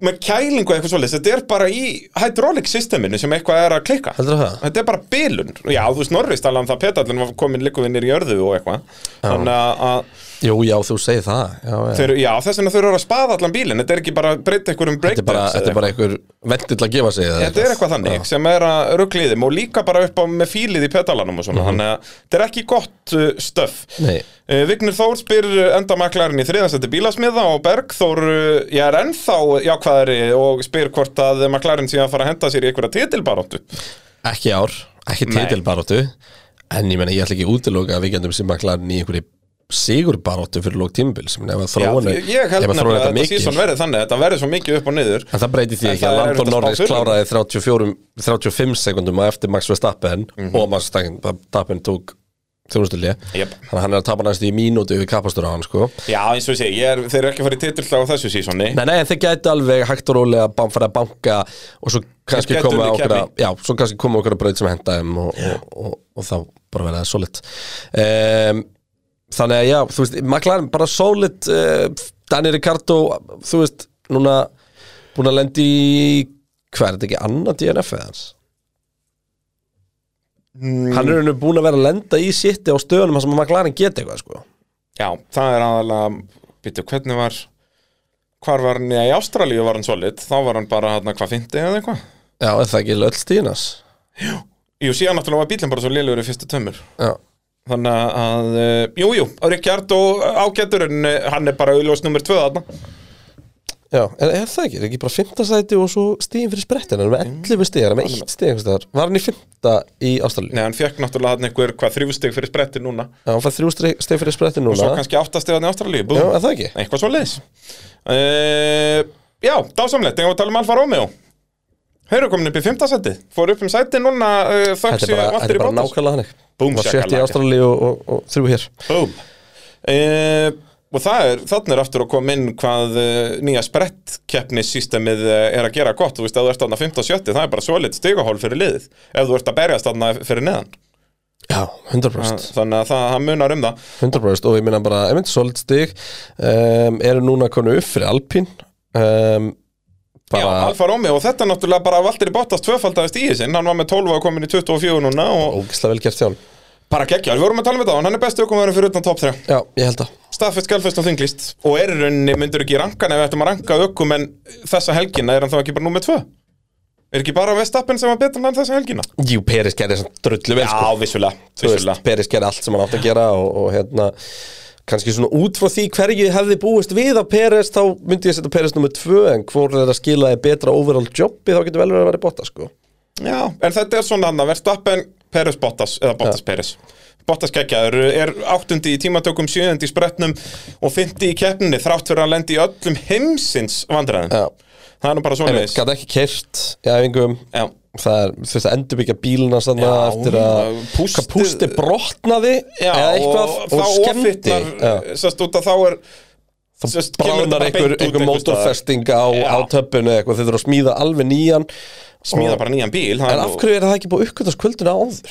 Það er mjög góð Það spurning hefur ekki alltaf bara brotið körfjú og já. Jú, það þetta er einkennilegt uh, Guan Yu Zhou uh, leit ágætlega út í tímatökum uh, Ætlaði svo að fara að berast um gast Já, leitt vel út í tímatökum uh, Var fjórði í í Q1. Q1 Hvað klikkaði aftur í Q2? Var hann ekki bara, hann var bara óheppin með tímasendingar og svona? Mér minni það Hann fyrir náði held ég ekki að taka ring sko meðan og maður þurr Já, þetta var eitthvað svo leiðis, já Og er Eða 14. hvort, tímatökum nei, hvort hann gerði ekki mistök á eina ringnum Jú, Þú þetta fór var eitthvað út af þannig, ég man eitthvað ekki eina það. ringnum í þurru Hefði þetta að fá annan og þá kemur auðaflækið Það er vandamálum við þessar sprettkeppni, sko, maður mann þetta ekkert Þetta er svo mikið að muna Þetta er djúðis vesen En hérna, og svo, og svo náttúrulega endur hann í því í sprettinum að uh, vera að uh, reyna að fara fram úr gastli Já, og uh, það var bara racing incident þú já veist, lenda hann saman Jó er á utanverðinu, það Nei, ekki Joe reyna að verðinni Jó er að innanverðinu og gastli kemur svona, sker yfir hann eða þó að Joe fer aðeins og landi yfir Já, í hinn en en dómararnir máta bara heldur rétt þetta var bara kappas atvik púra og það er kannski ekki heldur bara staðurinn til þess að reyna framarækstur en Nei. Joe að sína smá þú veist, grimt Já, já, og bara, ég er ennþá alveg á tjóvagninum, sko Þó en, endið þarna keppnina 15. og næri ekki stigum En, en þessi helgi var ekki disaster hjá honum sko út frá bara hvernig hann var að standa sig og ég menn hann klára 15. hann ræsir náttúrulega aftastur á þjónussöðinu um, og það var ekki teknir einhverju brjálaði sjensa með hann að fara yfir á slikkana eða eitthvað þannig eins og neði þurrt Nei, nei þannig að hérna, já, bara virkilega áhugavert og uh, þú veist bara blóm, allt í blómi alfa bílina Já. batna og, og hefðu getur að velna pallum helgina heldur betur og ég var mánið spyrja mitt getur Alfa Rómi að ná velunapall á þessu tímabili og ég, það er bara 100% svoleiðis Já, ég meina það var bara það, hluti þurfa bara að falla rétt með þeim og, á þessum helgum Akkurat, akkurat, og uh, þá var það alveg möguleiki ég held að það sé akkurat svoleiðis Eh, Ég held samt að það verði alltaf færri og færri möguleikar þegar að McLaren fara að bæta sig og ef að Mercedes gerir eitthvað líka sko. Já, það er akkurat málið uh, og, En þetta verður svo mikið jójó held ég að það verði Ég held Hvað að Alfa erum mun við- alveg aftur fá tækifæri En ég til meina að- ef, ef við tölum bara um það hvað erum við búin að fá marga uh, á velunapall Við vorum með þessum báði ferriðarnir báði Mercedesarnir báði Red Bullarnir Norris Er það ekki bara þeir? Jú. Jú Þannig að sér að við erum komið sjö ögumenn á velunapall Já, eftir Þetta fjóra er kefnir fjóra keppnir sko Það er helviti, helviti gott Já. Lofa góðu fyrir nýja bílinn Uh, okkar allar besti Sigvartur spyr eh, hefði Bottas getað verið grimma við Russell á lokarhingjónum Þannig ert þú aftur með að hann hefði getað reynt u- utan á þann núna í Tamburello eða ekki Jú, Hann var í ég svipaðri myndi meira sem að stöðu og segja Hamilton. Bottas hefði átt að eiga betri möguleikaði heldur en Hamilton því að náttúrulega Russell var ekki með DRS Já, og engan endar hann í þessu messages Akkurat, þannig að já, ég hefði sagt það Já, þú veist, en Bottas náði bara aldrei rönninu út úr lokabeginni sem er Nei, náttúrulega það bara er þetta 50 rétt, honum. Russell var að gera það ógeðslega vel Bara geggjaður út úr lokabeginni og, og Bottas það var að reyna, ég meina við sáum hann hversu oft sáum hann spark út aftanendanum hann á leiðin í gegnum síðustu Ég beginn veit að, alveg það, að en það pússa var, sko það var vandamálið, sko Hann uh, Einmitt. klúðraði lokabeginu alveg þrisvasinnum með eitthvað Já. Og það bara má ekki þarna, þannig að Grimmari að sérst, jú, hann hefði bara átt að vera kannski aðeins betri En, en þú En samt erfitt að- bestur fyrir utan Já, en ég meina, hann var augljóslega mikið hraðar Hann var búin að taka 15 sekundur á honum á, á bara einhverjum, hvað, 20 ringjum með Einmitt. Þannig að, jú, hefði hann ekki átt að Hvað, hann hafði alveg fjóra ringja eða eitthvað Hann var komin í DRS-ið þegar voru hvað, þrýra eða fjóra ringir eftir Já, ég held samt þarna sko Þar ætlaði ég samt áfram að segja Hamilton því að munun á- á Bottas með fjóra hringi og Hamilton með alla helst keppna Já. bara Hamilton átt að geta verið búin að prófa hvað sem er og hann var alltaf að fara að ná gasli aftur þóttin eða þetta fara yfir grassi Já, einu sinni hundar, eða hann var eitthvað, það hraður í á miðjukablanum, sko sko. þannig að hérna, já og, og gasli að hæja á sér á bakvið eitthvað, eitthvað vilja sko Akkurat, akkurat þannig að uh, Alpín, þá uh, þeir eru dottinir í sjötta seti stiga laus liðið sem var alltaf búin að skora stig og var svona rock solid stiga söfnunar lið Já, hún leit vel út, ég finna Alonso náttúrulega 50 í tímatökunum en djöfull skeitan í sprettinum maður. Já, bara náði liðlegu ræsingu og, og var síðan bara verri eftir það í rauninni Algjörlega, bara alveg andstætt við Alonso sem hefur alltaf verið geggjaður í sprettinum Já, það er bara akkurat svoleiðis og og- Esteban Okkunum var bara rosalega mikið með Hérna Alonso var með nýtt gólf á bílnum í, á Já, Emola þeir, sem okkur var ekki með Já, en Okkunum fær það í Miami Já, en okkur náttúrulega lendir í bylun hátna í fyrstu tímatökunum Herðu, hann braut gírkassa Hann braut girkassa, hann var Ég það, fe- fekk, fekk það, eh, fann það eitthvað í morgun Já. Eða, braut gírkassa eitthvað gir- já gir- Gearbox bilun. failure Akkurat, Já. akkurat Þannig að hann er bara 19. tímatökum, það er bara albún sem hann náði ekki tíma sem að er uh, hægari Einmitt, og, Og- og hann er bara alveg eins og allir hinir hana, sem að eru hraðir hann fyrir aftan bara fórnalamb þessar lesta og gæti Já. ekki gert nýtt með það Er 16. í spretnum og 14. kefni, vinnur sér Akkurat. alltaf eitthvað aðeins upp en hann var mest bara þeir að detta út sem voru fyrir framann sko. Einmitt. Og eh, kemst í hún ekki fram úr neitt þó að það var alveg peis í bílnum Þannig að, En skrítið þetta en alltaf Fernando Alonso dettur úr leik því að Mick Schumacher spinnar aftíhóli fer hann í sætpotni á hann og svo bara springur sætpotnin hring síðar akkurat hli- hliðin á Hamilton, þetta Já, var geggjað að geðveikt sjá þetta sjónarhorn, útsendingu, já. já. Slow motion bara pff, hliðin að springa út Fengur nokkra springingar um helgina Já, þetta var geggjað En hérna, Og hérna- en þú veist svekkjandi helgi fyrir Alpín eh, Hvenær ætlar Ekstra Alonso að leiðilegt catch a break? a- a- Ekstra leiðilegt fyrir Al- Alpín að þetta var sem sagt stjórn Runo, þú veist, forstjórn allir Já, voru voru á þeir breytinu núna og er vist ekki oft sko Nei Þannig að Og þetta var líka ekta helgi fyrir þá að ná bara velunapalli Verið þriðja og fjórða með að við pesaði á bílnum En maður veit ekki hvort að McLaren sé núna raunverulega út af, Alpín gaf okkur ekki neinar upplýsingar að Þetta var svo mikið í skrúinni hjá þeim þessa helgina að Við vitum ekkert peismunin á þeim En þú veist, ég hef ennþá trúa þeim Nei, og við erum að fá skemmtilegan hausverk fyrir liðin í uppstillingum um næstu helgi gætum, sé- eða næstu keppni er að segja gætum síðan mismunandi uppstillingar og þá voru fólk að sjá hvernig Alpinin er Alpinin hefur allavega, sko, fyrirfram ætti sem braut að helda- henda Alpin því Alpinin er búin að vera jafn bestur Það er á nefnilega öllum málið, þessum brautum, sko, Og þetta var meira bara svona óhefni þessa helgina frekar en Já, að ég bílnum meina var að eitthvað Alonso lélur var 50 í tímatökum í rigningunni, sko Ég segi það, þú veist. þannig að það vantaði ekkert upp á peysið Þetta Nei. var meira bara lélega ræsingarna hjá Alonso og Alpina svo- örgulega getur bara verið solid í, í Miami En hvað Já. er solid, skilur? Þú veist, Ég það held er hann að að sjötta, frá sjöunda, fimmta, Já, sjötta, eitthvað þú veist, svoleiðis. sjött- sjö- Sjöunda sæti og það, þetta er engin út fyrir fram á, skilur Það er svona, það Ég held að mjög ég gott. hendi þeim í sjöunda og átt Nei, ég ég held að sk- skella þeim ábyggli í sjötta, sjöunda í Ég er spátumskipninni búin að gera spátiskefna mína Já. Og ég þorið ekki að hafa þar Nei, það, Alonso er náttúrulega búin að brjóti mér hértað margóft í Það þessari er spátumskipni með tvö stig, sko Þetta er rosalegt, sko Já, hann er náttúrulega búin að vera ekkert eðlilega óheppin á þessu Akkurat. sísoni Og ég er aldrei til í að setja okkur hana Ég er okkur er hann alltaf Hann er með. samt. hann, Já, en minn áttundasætti er eins mikið með á það verður Og það Þannig að- kemur ekkert oft að hann er í með Þetta um verður eftir- áhugavert hvernig spátumskipni Þetta er okkar verður í Miami Eh, Förum við það á eftir, eh, byrjum á Alfa Tauri RBBT eh, Svo nota að bjarga helginni Heldur betur, Uh, þetta var náttúrulega þeirra heimakeppni höfustöður liðsins eru þarna bara hvað 12 km 12 km á Fajensa er bara hann að hinum megin við, eh, við einhverja- einhvern einhver stuttan kabla Já, og uh, liðið komið upp í sjöndasendi, var í áttundasendi fyrir uh, keppnina uh, Gastli, ekki neitt að frétta frá Pír Gastli Nei, 17. þeir náttúrulega voru báðir að skýta á sig í tímantökunum uh, 17. og 16. þar Já. en svo nota þó hraðari og svo nota náttúrulega var 0,004 sekundum frá Hamilton. Mhm. eh, Hamilton. þannig að hann var eins og, og hefði geta farið sko miklu ofar þar og til að svo fáum við steiki í næsta sko. hlutan Það er akkurat málið uh, Síðan Gastli vinnur sér ekkert upp í spretnum uh, 17. þar er náttúrulega eftir samstöð og þarf að fara inn í pitt uh, og fá uh, ný, nýtt dekk var ekki bara felga nú nýtt Ég held að framvengurinn slapp, þetta var bara brotin felga Minna það að, eh, Ég hann alltaf að fyrir henni pitt hvað hann fjekk manna það ekki, og nær hópnum aftur Akkurat, akkurat, en er þá bara síðastur og endar svo tólt í keppnu og þannig er aftur DRS-lestin að að kikki inn uh, Juki svo nota 16. 12. 7. Þetta er alltaf upplið þannig alla helgina og bara geggjur helgi Hvernig- og Juki Maður segja, við skoða hérna eins einmitt Juki í uh, keppninni mm, Hvað fer hann mikið upp bara í startinu?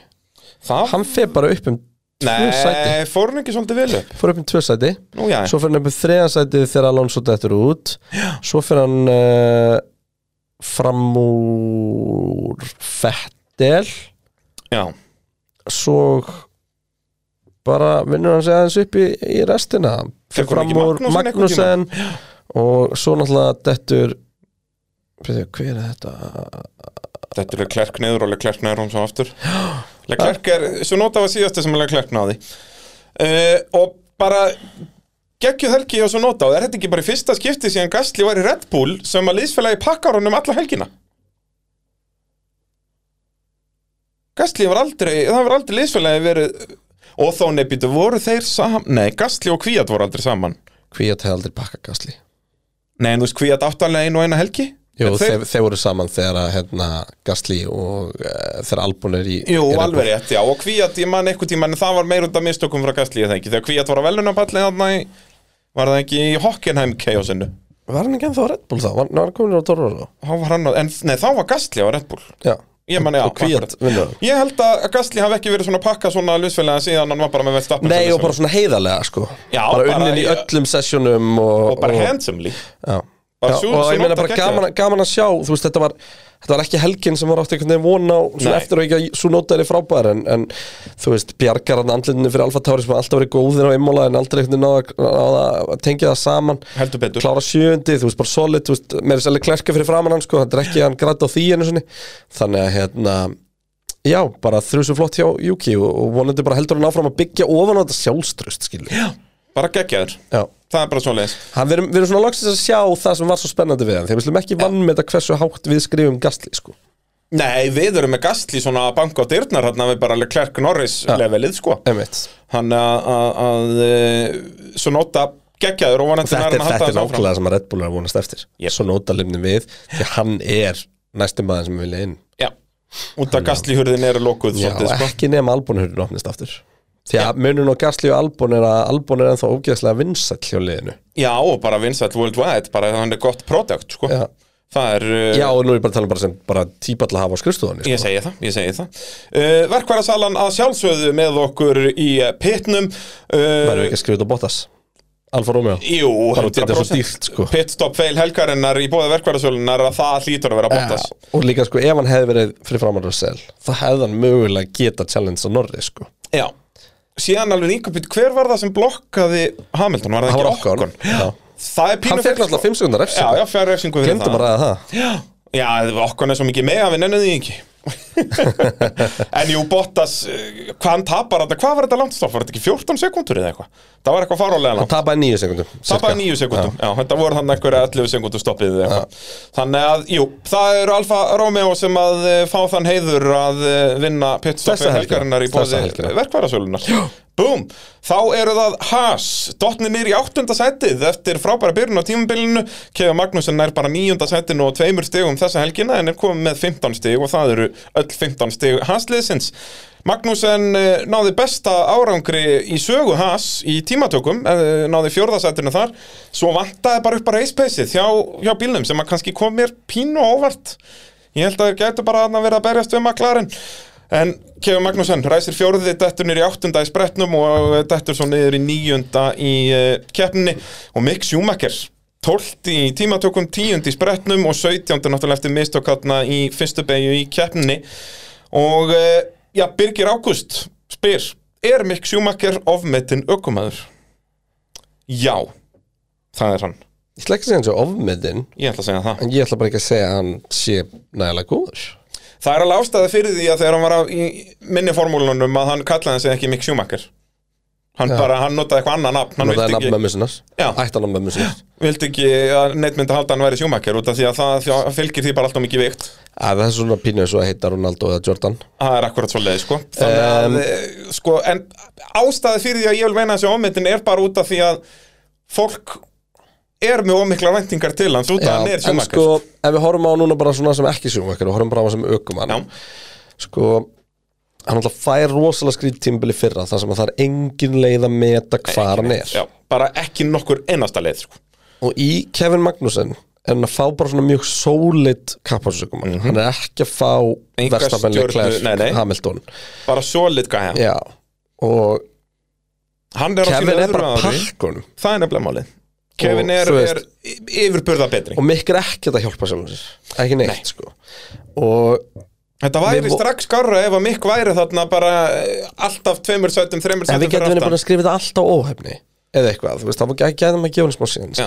en mikil er alveg að nálgast veggin okkar sko Já, það er bara svolítið þannig sko það er, já, hann verður bara að fara að rífa sér í gang það eru fjóra kefnir búnar og vissulega hann var betri en Kevin í Ástralíu en það mun engin mun eftir því því að uh, þeir skoruði engin stig já.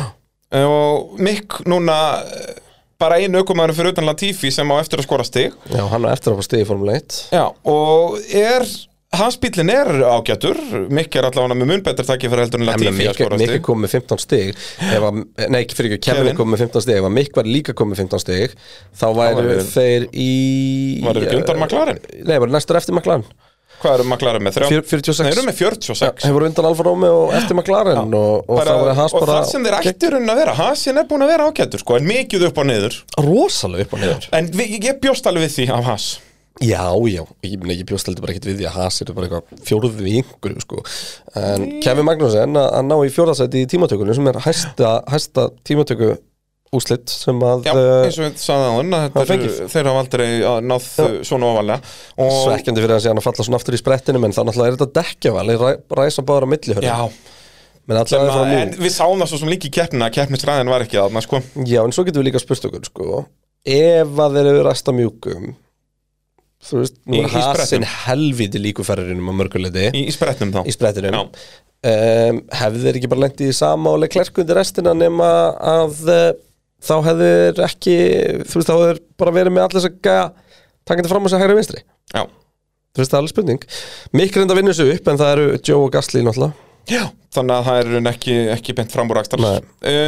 Aston Martin Mercedes Loks er komið með stig á töfluna, komnir upp í níunda setið úr uh, síðasta setinu í keppni bílasmiða með fimm stig sem er fenguð um helgina Uh, Sebastian Vettel með fjögur þeirra fyrir áttunda setið og Lance Stroll í tíunda setið með einn punt hann var líka bara svolítið svag við Fettil þessa helgina Já, já, hann var Fettil sagði í viðtali ég hef unnið keppnir sem ég kerði mun lélara heldur líka í dag Já Og ég trú á honum bara 100%, 100%. Já, já, bara nákvæmlega svo leins Og bara Aston Martin þurftu á þessari helgi eh, Svo mikið að halda algjörlega, bara komin á blað Já. Fettel að leiða hópin þá er því að tala um hópin og tala um náttúrulega bara Aston Martin hópin, bara svona leading the charge fyrir þá sko Mhm. Já. og hérna bara solid sko Já, Þú veist, þurftu bara að uh, tróða sokk upp í okkur til dæmis Við vorum að segja eftir síðustu keppni að þetta þau eru bara skítur að vera jafnvel bara í tíundasetti Þurftu á þessum stegum að halda fljótt og þeir svo sannlega fenguðu fljótt 100%. Þannig að rattirnar orðnar aðeins lægri en ég held að þeir fari ekki ofar níundasetti eins og eins og þurfa á móti Ég hef nei. meiri trú Og á séð liðunum sko, fyrir ofan. Fe- Vettel var sko 5 sekundum undan Kevin Magnussen Já hann var ekki með 9 sekundum eftir Juki sem við vorum að dása með hennar eitt á hann sko Já. þannig að og ég myndi alltaf taka Alfa Tauri fram með Aston Martin sko þannig að ég held að það hefur verið frábækjefni á Vettel sko Já, al- algjörlega, en, en eins og ég segi ég myndi, ég veðja frekar á hinliðin, ég held að Aston endi Já, nýjönda seti Aston Vilja að meina að breytingarnar sé að gera bílinn betri Já. og nú er verið að tala um að næstu breytingar sé að koma mjög hratt stórar, Ok, ok, þannig að þú og það ég, er ég ætla partur samt af þessu ekki tímabili að þetta verður mikið Já, jójó já, já, en ég ætla ekkert eitthvað að fara að fagna þeim strax sko Nei, nei, en það er verið að tala um þetta og sama með Mercedes, það er verið að tala um þessa eins og við varst að tala um á hann veist, Já, þeir eru já, stóri lykillinn. Mercedes og Aston er á svona svipu trajektori þegar kemur að hérna, þessari hönnun al- allt í skít en uh, vonandi að þeir og geta sama svona vandamál í báðan bílum Já Uh, Williams, uh, förum hratt hérna yfir uh, loka liðin þeir eru ennþá bara í tíunda sæti með þetta eina stygg sem Albon fekk í Albon gerði Ástralíu þetta ógeðslega vel hana Gekkjaður, klárar Tjöfull ekki er Albon, tímatökunar djöfull er Albon að endur vekja fyrirlins heldur betur bara, og eina sem hann þurfti var bara að fara aftur í Formule 1 til að fólk geti séð að, hvað hann er góður ekki með Vestapen liðin á sér Ég veist, Albon mun alveg pottið Þú veist, segjum að Williams batni ekki á næstu árum sé bara þannig, við séum bara með þetta greit þá er þá er Albon bara mjög spennandi kostur fyrir, þú veist, McLaren Já. þegar þurfa að skipta til Ricardo eða eitthvað 100%, þannig lagað, sko. 100%. og ég spáði því leikandi að á næstu þreymur árum að Albon fari upp í betra lið Já, er hann ekki bara með ársamning samt? ég held það En ég held að Williams gerir bara ársamninga já og, og þeir kannski gefa hann núna tvekja samninga eh, í, í águst núna sko Já, Al það kemur Albon ekkert á verður óvart. player í þessum le- hérna, aukumannsmarkaði já sem eftir 100%, er 100%. og ég meina ef hann sér eitthvað tækifæri þú veist, að Red Bull eiga en þó taugar í honum sko, getur alveg vilja fá hann inn ef að þið missa Gastli Já. þú veist, Á það er- höndunum það upp eru í- samt Red Bull Junior sem að eiga frekar að fá þau sæti en, en, þú veist Albon að gera allt rétt Já. Annað en okkar maður Latifi Já, Já, hann er náttúrulega bara grínið í ágreitinu núna sko. uh, segjum Það er, okkur eiginlega, það, er, það er engin sem sakna Masipin jafn mikið og Niklas Latifi Það er nákvæmlega svo leiðis En við sem samt muna það Við sem samt muna það að Latifi vinnur sjúmakar um helgina Já, Schumacher snýrist Já, en þú veist, hann tapaði ekki tveimur ringjum að þið, sko Nei, nei. Uh, okkar besti Latifi fekk einu sinni að vera með uh, á uh, drive, eh, fekk ekki einu sinni að vera með á Drivers Championship töflunni í endan Já, það er það vegna var- þess að hann er í 21. seti Já, því að Nico hefur endað ofar en hann í keppni Já. þannig að eh, Latifi já, hann þarf að enda ofar, ég man ekki hvað það var 15. seti eða eitthvað sem að eh, Hulkenberg aða, Það var hann er það ekki. 13. eða eitthvað Hann var eitthvað svolítið hátan í, Já. í Saudi, ég það ekki. steikarkeppni Já, Það er allir 28 mánuð á mótor Að það- Latifi þarf að ná einhverju 13. sæti til að komast upp í 20. sæti annars Einmitt. verður hann 21. Uh, og Guðfinna Harpa spyr uh, Piastri til Viljans á þessu tímabili, hversu líklegt? Ég sá frétt um þetta um daginn, eða Ah. um daginn í gær En Ég sá fréttum að verður að skoða hann á lán fyrir næsta ár Já, eitthvað svo leiðin sko En, En, þú ef veist- að Latifi heldur svona áfram að þá erum að gera bara að fá hann í júli Ég ef þið þurfi ekki peningin sem að þeir þurfa reyndar Já, þið er alltaf ekki efna Þurfum við kanadíska bíl í- dollara? Já, það ekki Jú, Heldur að kanadadólar er verðmændir í formúlunni já, heldur betur aðal gældmiðillin eftir að að rússneska rúblan fór þarna út Já Þannig að þá eru Kanadadólarinn orðin aðal playerinn á þessu markaði Hann blóm máli, sko. Það er svolítið svolítið uh, Ólís að sjálfsögum með okkur í uh, pitnum Hvetjum alla til að fara inn á vinahopur.ólís.is og næla sér í Ólís likilinn Selvfölig Svo fuli Og uh, þá er þetta að fá eldsniti munódýrara og líka alltaf ykkur tilbúð og kutsi í gangi þarna hjá Ólís sko. Þetta er bara ekki Og- flókið, ef það ert ekki vinu ofnum þá ertu í ruglunu Já. Og muna sk- hendi í pitturinn, það fyrir auka afslátt á bensinu Já, og ég veit ekki hvað fólk þekkir þessu nefn og þekkir þessa frasa Já, Það er bara svolítið svo er líka bara Ólís og uh, Svalt Brandtja, það er farið að sponsa fullt að uh, kapaspilum Ég heldur betur Og pittinn og- Já, ég veit bara ekki hvað og hvað. allt ég var að sjá núna bara eh, Guðma Elias í torfærinni, hann er komið ólís á hótið, það er gekkja Ah, það Það er er bara mál. alltaf að gera stanna Óvinnir helgarinnar sem að þurft að fara í vinahópin Það er erfitt, það voru allir sko Þú ert ekki það að var svo henda, næs. nei ég sé að þú ert búin að skrifa Ricardo Sainz Já, ég gerði mig stóru spurningamerki í endan sko Út af því að Ricardo fór beint inn í ferrari skorun að Já, beðast og afsökunar þeir eru og- félagar Þeir eru og- félagar þú veist. og, Hver eru óvinnir helgarinnar? Sko ég heyrði mjög fyndið að sem sagt, basically fólk blaðamenn og annars líkt og, Mm. og, og, og svona fólk sem var að vinna hana var í algjör vesinni bara að komast inn og út af brautinni þeir sögðu bara okkur leiðin sem við Já. farið 20 ára aftur í tíma þetta er bara svo silvestóninna back in the day svo Með ringdi göm- gömlu pittinu í selvestum Já, og allt breyttist í moldarflag og sko. Já. það, var bara, það voru traktora mættir að draga þú veist, blaðamenn og liðsfólk Já. og svona upp úr hana þannig að Það það upp úr bílastæðinu Já, innan geðsalam Þannig að eins og segja, sko, það var allt svona mjög, mjög frumstætt í öllu þarna ennþá svona miðað við það sem að formúlinu er einn vön Já. En ég meina, það er bara hipp og cool, það er bara fyrir Já, það er bara klassik bröð Ég veit ekki, er ekki bara, er ekki bara Ferrari og, og, og, og Steg og Ítalíu? Jú, eða svona árangur á Ítalíu, þeir fengu vissulega alveg stig En uh, jú, er það ekki bara Eitthvað svoleiðis að hérna Annars var þetta allt mjög vinalegt þessi helgina Það er nú oft sem að, ja, yfirleitt náum við alveg definitely að finna einhver óvinni En núna var ekki Ég tekið sko, um það þingstu, þingsta samtali sem sem við sáum var uh, Hamilton og Toto Wolff Já, hérna, en þeir það voru var samt svo pirraðir. vinalegt sko. Það Nei, var nú er ég samt að tala um svona- inn í skúrnum á, á Já. hérna í tímatökunum Það er rétt Það var, það, Bara- maður bara var ekki búin að sjá svona samtal Það var Nei. lýsandi fyrir stöðuna Það var Og rosalegt svipurinn á þeim. Hann var, hann var uh, heiftarlegur anskoti uh, Egil Eiríksson spyr hérna rétt í endan uh, okkar allar að reyðast í Egil uh, hvernig stendur á því að það er svona mikill munur milli liðsfélaga, svona almennt uh, Það er náttúrulega Þetta eru tvö, menn eru yfirleitt að vinna með mismunandi sett upp á bílunum og þó að þetta séu skilur 20 bestu ökumenn í heimi þá myndum maður halda ok, þeir eru allir mjög svipaðir með að við, þú veist, þessa 1500 ökumenn sem eru að berast um að komast í Formule 1 það getur ekki verið svo mikill munnur á þeim en þá er samt bara ansið mikill munnur á þeim Ég, þú veist, Við erum í sekundubróta sporti þar sem að Já. sekundubrótum fara að telja og þá er einhver x-faktor um, Það er samt sko mér finnst munul á liðsfélögum ekkert endilega að vera svo mikill akkurat núna, það eru þú veist svona einstakar dæmi sem ég get bent á en þú veist það er fullt af liðum sem er svolítið svona bara þú veist, sjá bara Alfa Tauri Juki og Gasly nú Juki að standa sig vel við vitum að Gasly á að vera betri þú Já. veist um, þú veist, McLaren Ferrari, þar hefði maður haldið að væri meiri jöfnur þú veist, þetta, er, þetta er bara þessi X-faktor sem sumir aukum en hafa sko. já, Og það eins og þú segir, þetta er sekundubróta dæmi sko. já nema sekundabrót getur þýtt tvö Tvö sæti á griddslot, milli. Já, skilur ég segi við, það, þú það veist. er, Og sérstaklega þú ert komin í mittfildið sko. Já, Þannig að þetta er samt magnað að pæla í þessu og eins og segja, þetta eru, hvað myndir að segja að það væri margir ökum en núna í öllum þessum juniorformúlum öllu, þú veist, þetta er, þetta er að hátt í þúsund. heldur það? Já, það er ekki öll, nei, ok, 500, Já, eitthvað svo leiðis, í öllu þessu sem eru núna markvist að berjast fyrir því að að Komast í komast í Formúlu formúl 1, 1, skilur Já, ætla sé ekki ef 500 þetta manns í heiminum. go-kart og eitthvað svona með þá kannski fara aðeins over Já, aðeins ofar, en þá ertu kannski, en eins og ég segi, já, kannski 500 nöfn og 20 bestu komast í Formule 1 og það er samt svona mikill, þú veist, við, munurinn er verðstappen niður í Latifi, sko. Það er alveg heiminn og hafann á milli, sko.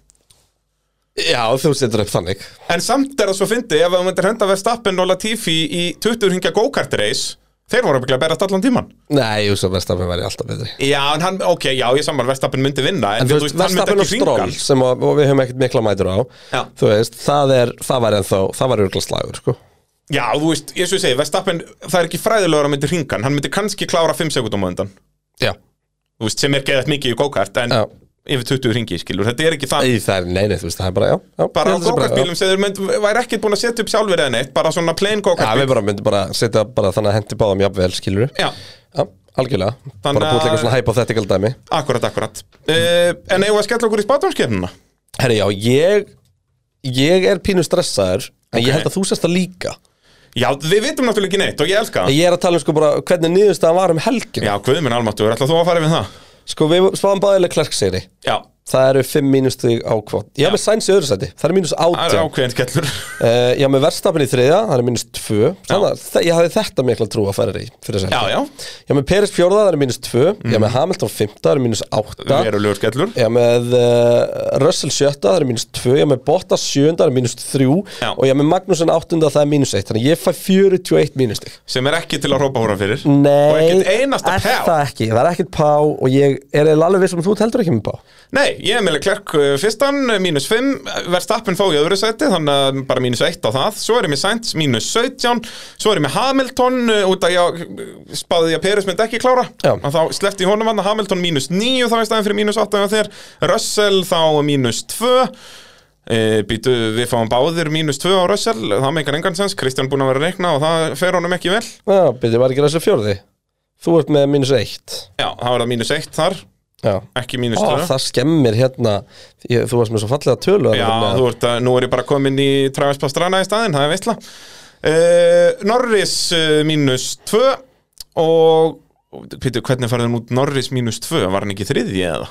Hva, á, hversu mikið Veitu, að hvað björn var, varstu búin að hva, ég, hef, ég hef verið að rekna mín megin Þetta var líka eitthvað skrýti Herðu, hérna, við reiknum þetta bara betur á eftir Nei, nefnbyttu, Norris var þriðji Já, það er Þannig að mínus það er mínus þrjú. þrjú Þannig að þá er þetta tvöðri, ég er bara að snúa þessu við Já, eitthvað svo leiðis Síðan náttúrulega mesti skellurinn er ég með Alonso aðna sem að þú varst ekki með Þannig að það er mínus 12 þar og svo er ég með okkun líka, það er mínus 6 Þannig að þetta, það 54. eru alpínmennirnir sem að fokkuðu mig vel upp Þannig að þetta eru mínus 54 Þannig að þú er komið afgerandi fórustu Komið 14 stiga Já, fórskot sem er mjög steikt að taka 13 stig af þér Í Þegar ég er með 41 stig Já, það er Þú veist, við ég vorum að kveðst vinna ekki með þig. svona 6 til 12 í fyrra En þetta er málið að þú ætlar að gambla á einhver kláringi að gera það vitlu, skilja, ef ég hefði gamblað á Sainz frekar en Peres, það er að ég verið Peres. draumalandi Já.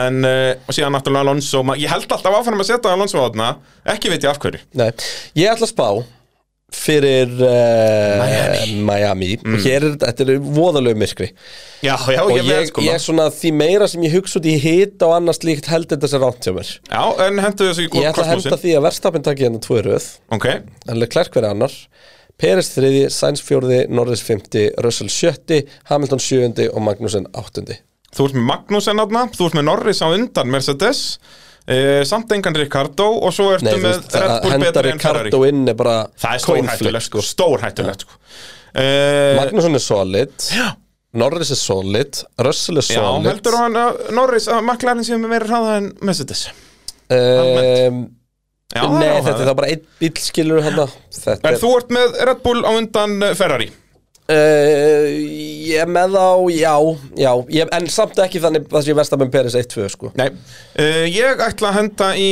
að Ferrari verður hraðar en Red Bull Þú ég, gerir það bara til veist að ég var að setja Vestabenn Nei, ég ándjóks var ekki búin að líta Ég sver, út Ok. af Ah. því alltaf þegar ég líta þá fokkar það mér upp Já. Þannig að ég vildi það ekki Ég er með Leclerc, Verstappen, Sainz Aftur gískaði ég á Peres klára ekki Bara út af ég er svo gaman að ég að sleppa einhverjum einum af þessum top fjórum Já, mér finnst þetta ekki í lagi sko Jú, það, svona á að spila leikinn Já, já. En ég Já. tappa á því síðast Þannig að, eh, Samt ekki nei, þannig sé ekki Út af hinnir er alltaf aðna hvað sem Já. er uh, Síðan er ég með Hamilton Russell Ég held að Mercedes komist aftur í einskismannslandið sitt Já, Uh, svo er ég með Norris þar fyrir aftan og hendi báðum Alpín þarna bara svo að Lonsson geti brotið í mér hérta þriðið að skiptið í röð Ég, veist, ég held að það sé alveg solid að vera með alpinarna bara upp á hraðan Ég Þegar held þeir það. verða Þeir jafn verða góðir allan alltaf hringin þarna. sko Já, já. En Svo þetta er er bara bara spurning spurning. um hvort það verður runamóndur sem springur eða hvort að bílinn brotnar eða eitthvað Það er Herri, akkurat við glemdum alltaf að ræða hérna síðan Al- Albon felgursprengjuna Heyrðu, já, með Jú, það Williamson skýrir maður maður. Alveg svo í prófunum Það er rosalegt, bremsurnar uh, kviknar í bremsunum og felgan splundrast En og, þú sér það að Albon fer úr því að vera sko aftastur í átjónda í sprettinum í ellefti í keppni Jep. Þú veist, hann fer fram úr Hamilton sko já, Bara let that sink in sko já, næra hvenar það er í pitstoppunum með það ekki og Jú, það það kemur Hamilton snemma. náttúrulega tapaði, hvað tapaði hann miklu, var það ekki 6 sekundur eða eitthvað Alveg rétt Hann var- Alveg rétt, þeir voru í vesinni Já, þessan náttúrulega Þess vegna lendir hann í dettur Ocon og þessu niður, dóti þarna. Mm. sem sagt, hann var kominn uh, fram fyrir þessa lest en, uh, og okkon blokkar hann þarna og þetta var allt bara í skýtnum uh, hjá Mercedes og Hamilton, það er bara svoleiðis En erum við þá ekki bara að eh, pakka heldur betur, sko, sprettkeppna helgirna er alltaf áhugaverðar þó að Já. keppni sjálf var döpur og þá erum við búin að bladra í tvo tíma sem er dásanlegt Já uh, Miami verður náttúrulega á skemmtluðum tíma Já. Hvað erum við ekki, við erum alltaf þetta Fyrsta æfing er hálf sjö á föstudeginum og setni æfingin er hálf tíu Já, Ég man ekki eftir að fara í útsendingu hálf tíu Það er geggjað, sko. Það er geggja Svo er þriða æfingin klukkan sko fimm á laugardeginum og svo bara búm, tímundu klukkan átta Þá næ ég þarna, ég verð náttúrulega að uh, lýsa uh, torfærakeppna á hellu Er það early start daginn eftir eða? Hmm. Hversu snemma er startið hjá þér það á sunnudeginum? Það er bara eitthvað tíu, hálf tíu eitthvað Þannig að svoleiðis. það væri hægt að gera eitthvað þarna eftir Tímatökur Æ, ég ætlar að fara að uh, henda mér í, í öldrykju Nei, nei, þú veist, þú ræður hvað færið marga En hérna, það væri gaman kannski Við Já, slum aðeins að þetta er ræða eitthvað, Hvort já, það segðu mér þá. væri hittast nýri í arena eða eitthvað Já, vera hugulegir Já, bara því að þá líka bara What's party og við mætum í beinu framhaldi sko. Búm, Sem er gætið verið skemmtilegt sko. Já, fi- til í það um, Síðan er það kappasturinn og hann, það er start halv átta Það gæti ekki verið betra Sko, þá, það, hann hætti spytum um að grilla Byrja að grilla halv sjö Já, ú, hefur Borða þetta- yfir upphitunum okkar Oh my lord Þetta er geggjað sko Þetta er kekkja plan Djöðl vona að ég verið sunshine Já, bara, bara ábyrgsta Það er alltaf sunshine þegar maður Já, er mér það er rétt, það er staðfest En er það ekki líka þannig, ef það rignir Then it pours, þú veist, þá er bara Já, ekki Þá er fer það ekki, keppni þá bara ekki fram kemur sko. stormur bara en- sem að þeir verða búin að gefa eitthvað nafn Já, sem er dásanlegt, þetta verður eitthvað svona hérna það var eitthvað Joanne Já, það er alltaf hvernmannsnafn á þessum stormum Algjörlega. Það er dásamlegt Herri, við þökkum fyrir okkur að uh, sinni ætlum að, Já. við vorum búin að, við vorum búin að skúpa, já, það kemur einn auka á patreon.is Já. og svo bara svona, þú veist, það er alltaf nóg að gera, muna, herri, muna hérna, við erum búin að vera hátt á, á uh, Spotify núna, Heyrðu, já. endilega að gefa okkur engun og, og followa og sama og allt þetta hitt, það er, það er, það er, það er okkur þykir vænt um það, Já, þá það getum hjálpar við líka okkur líka rifið að upp kynna þetta pittin og svona, Já, bara rifið upp, vera bara fyrstur á Spotify, bara beng, bara bóm bara bing, bara boom.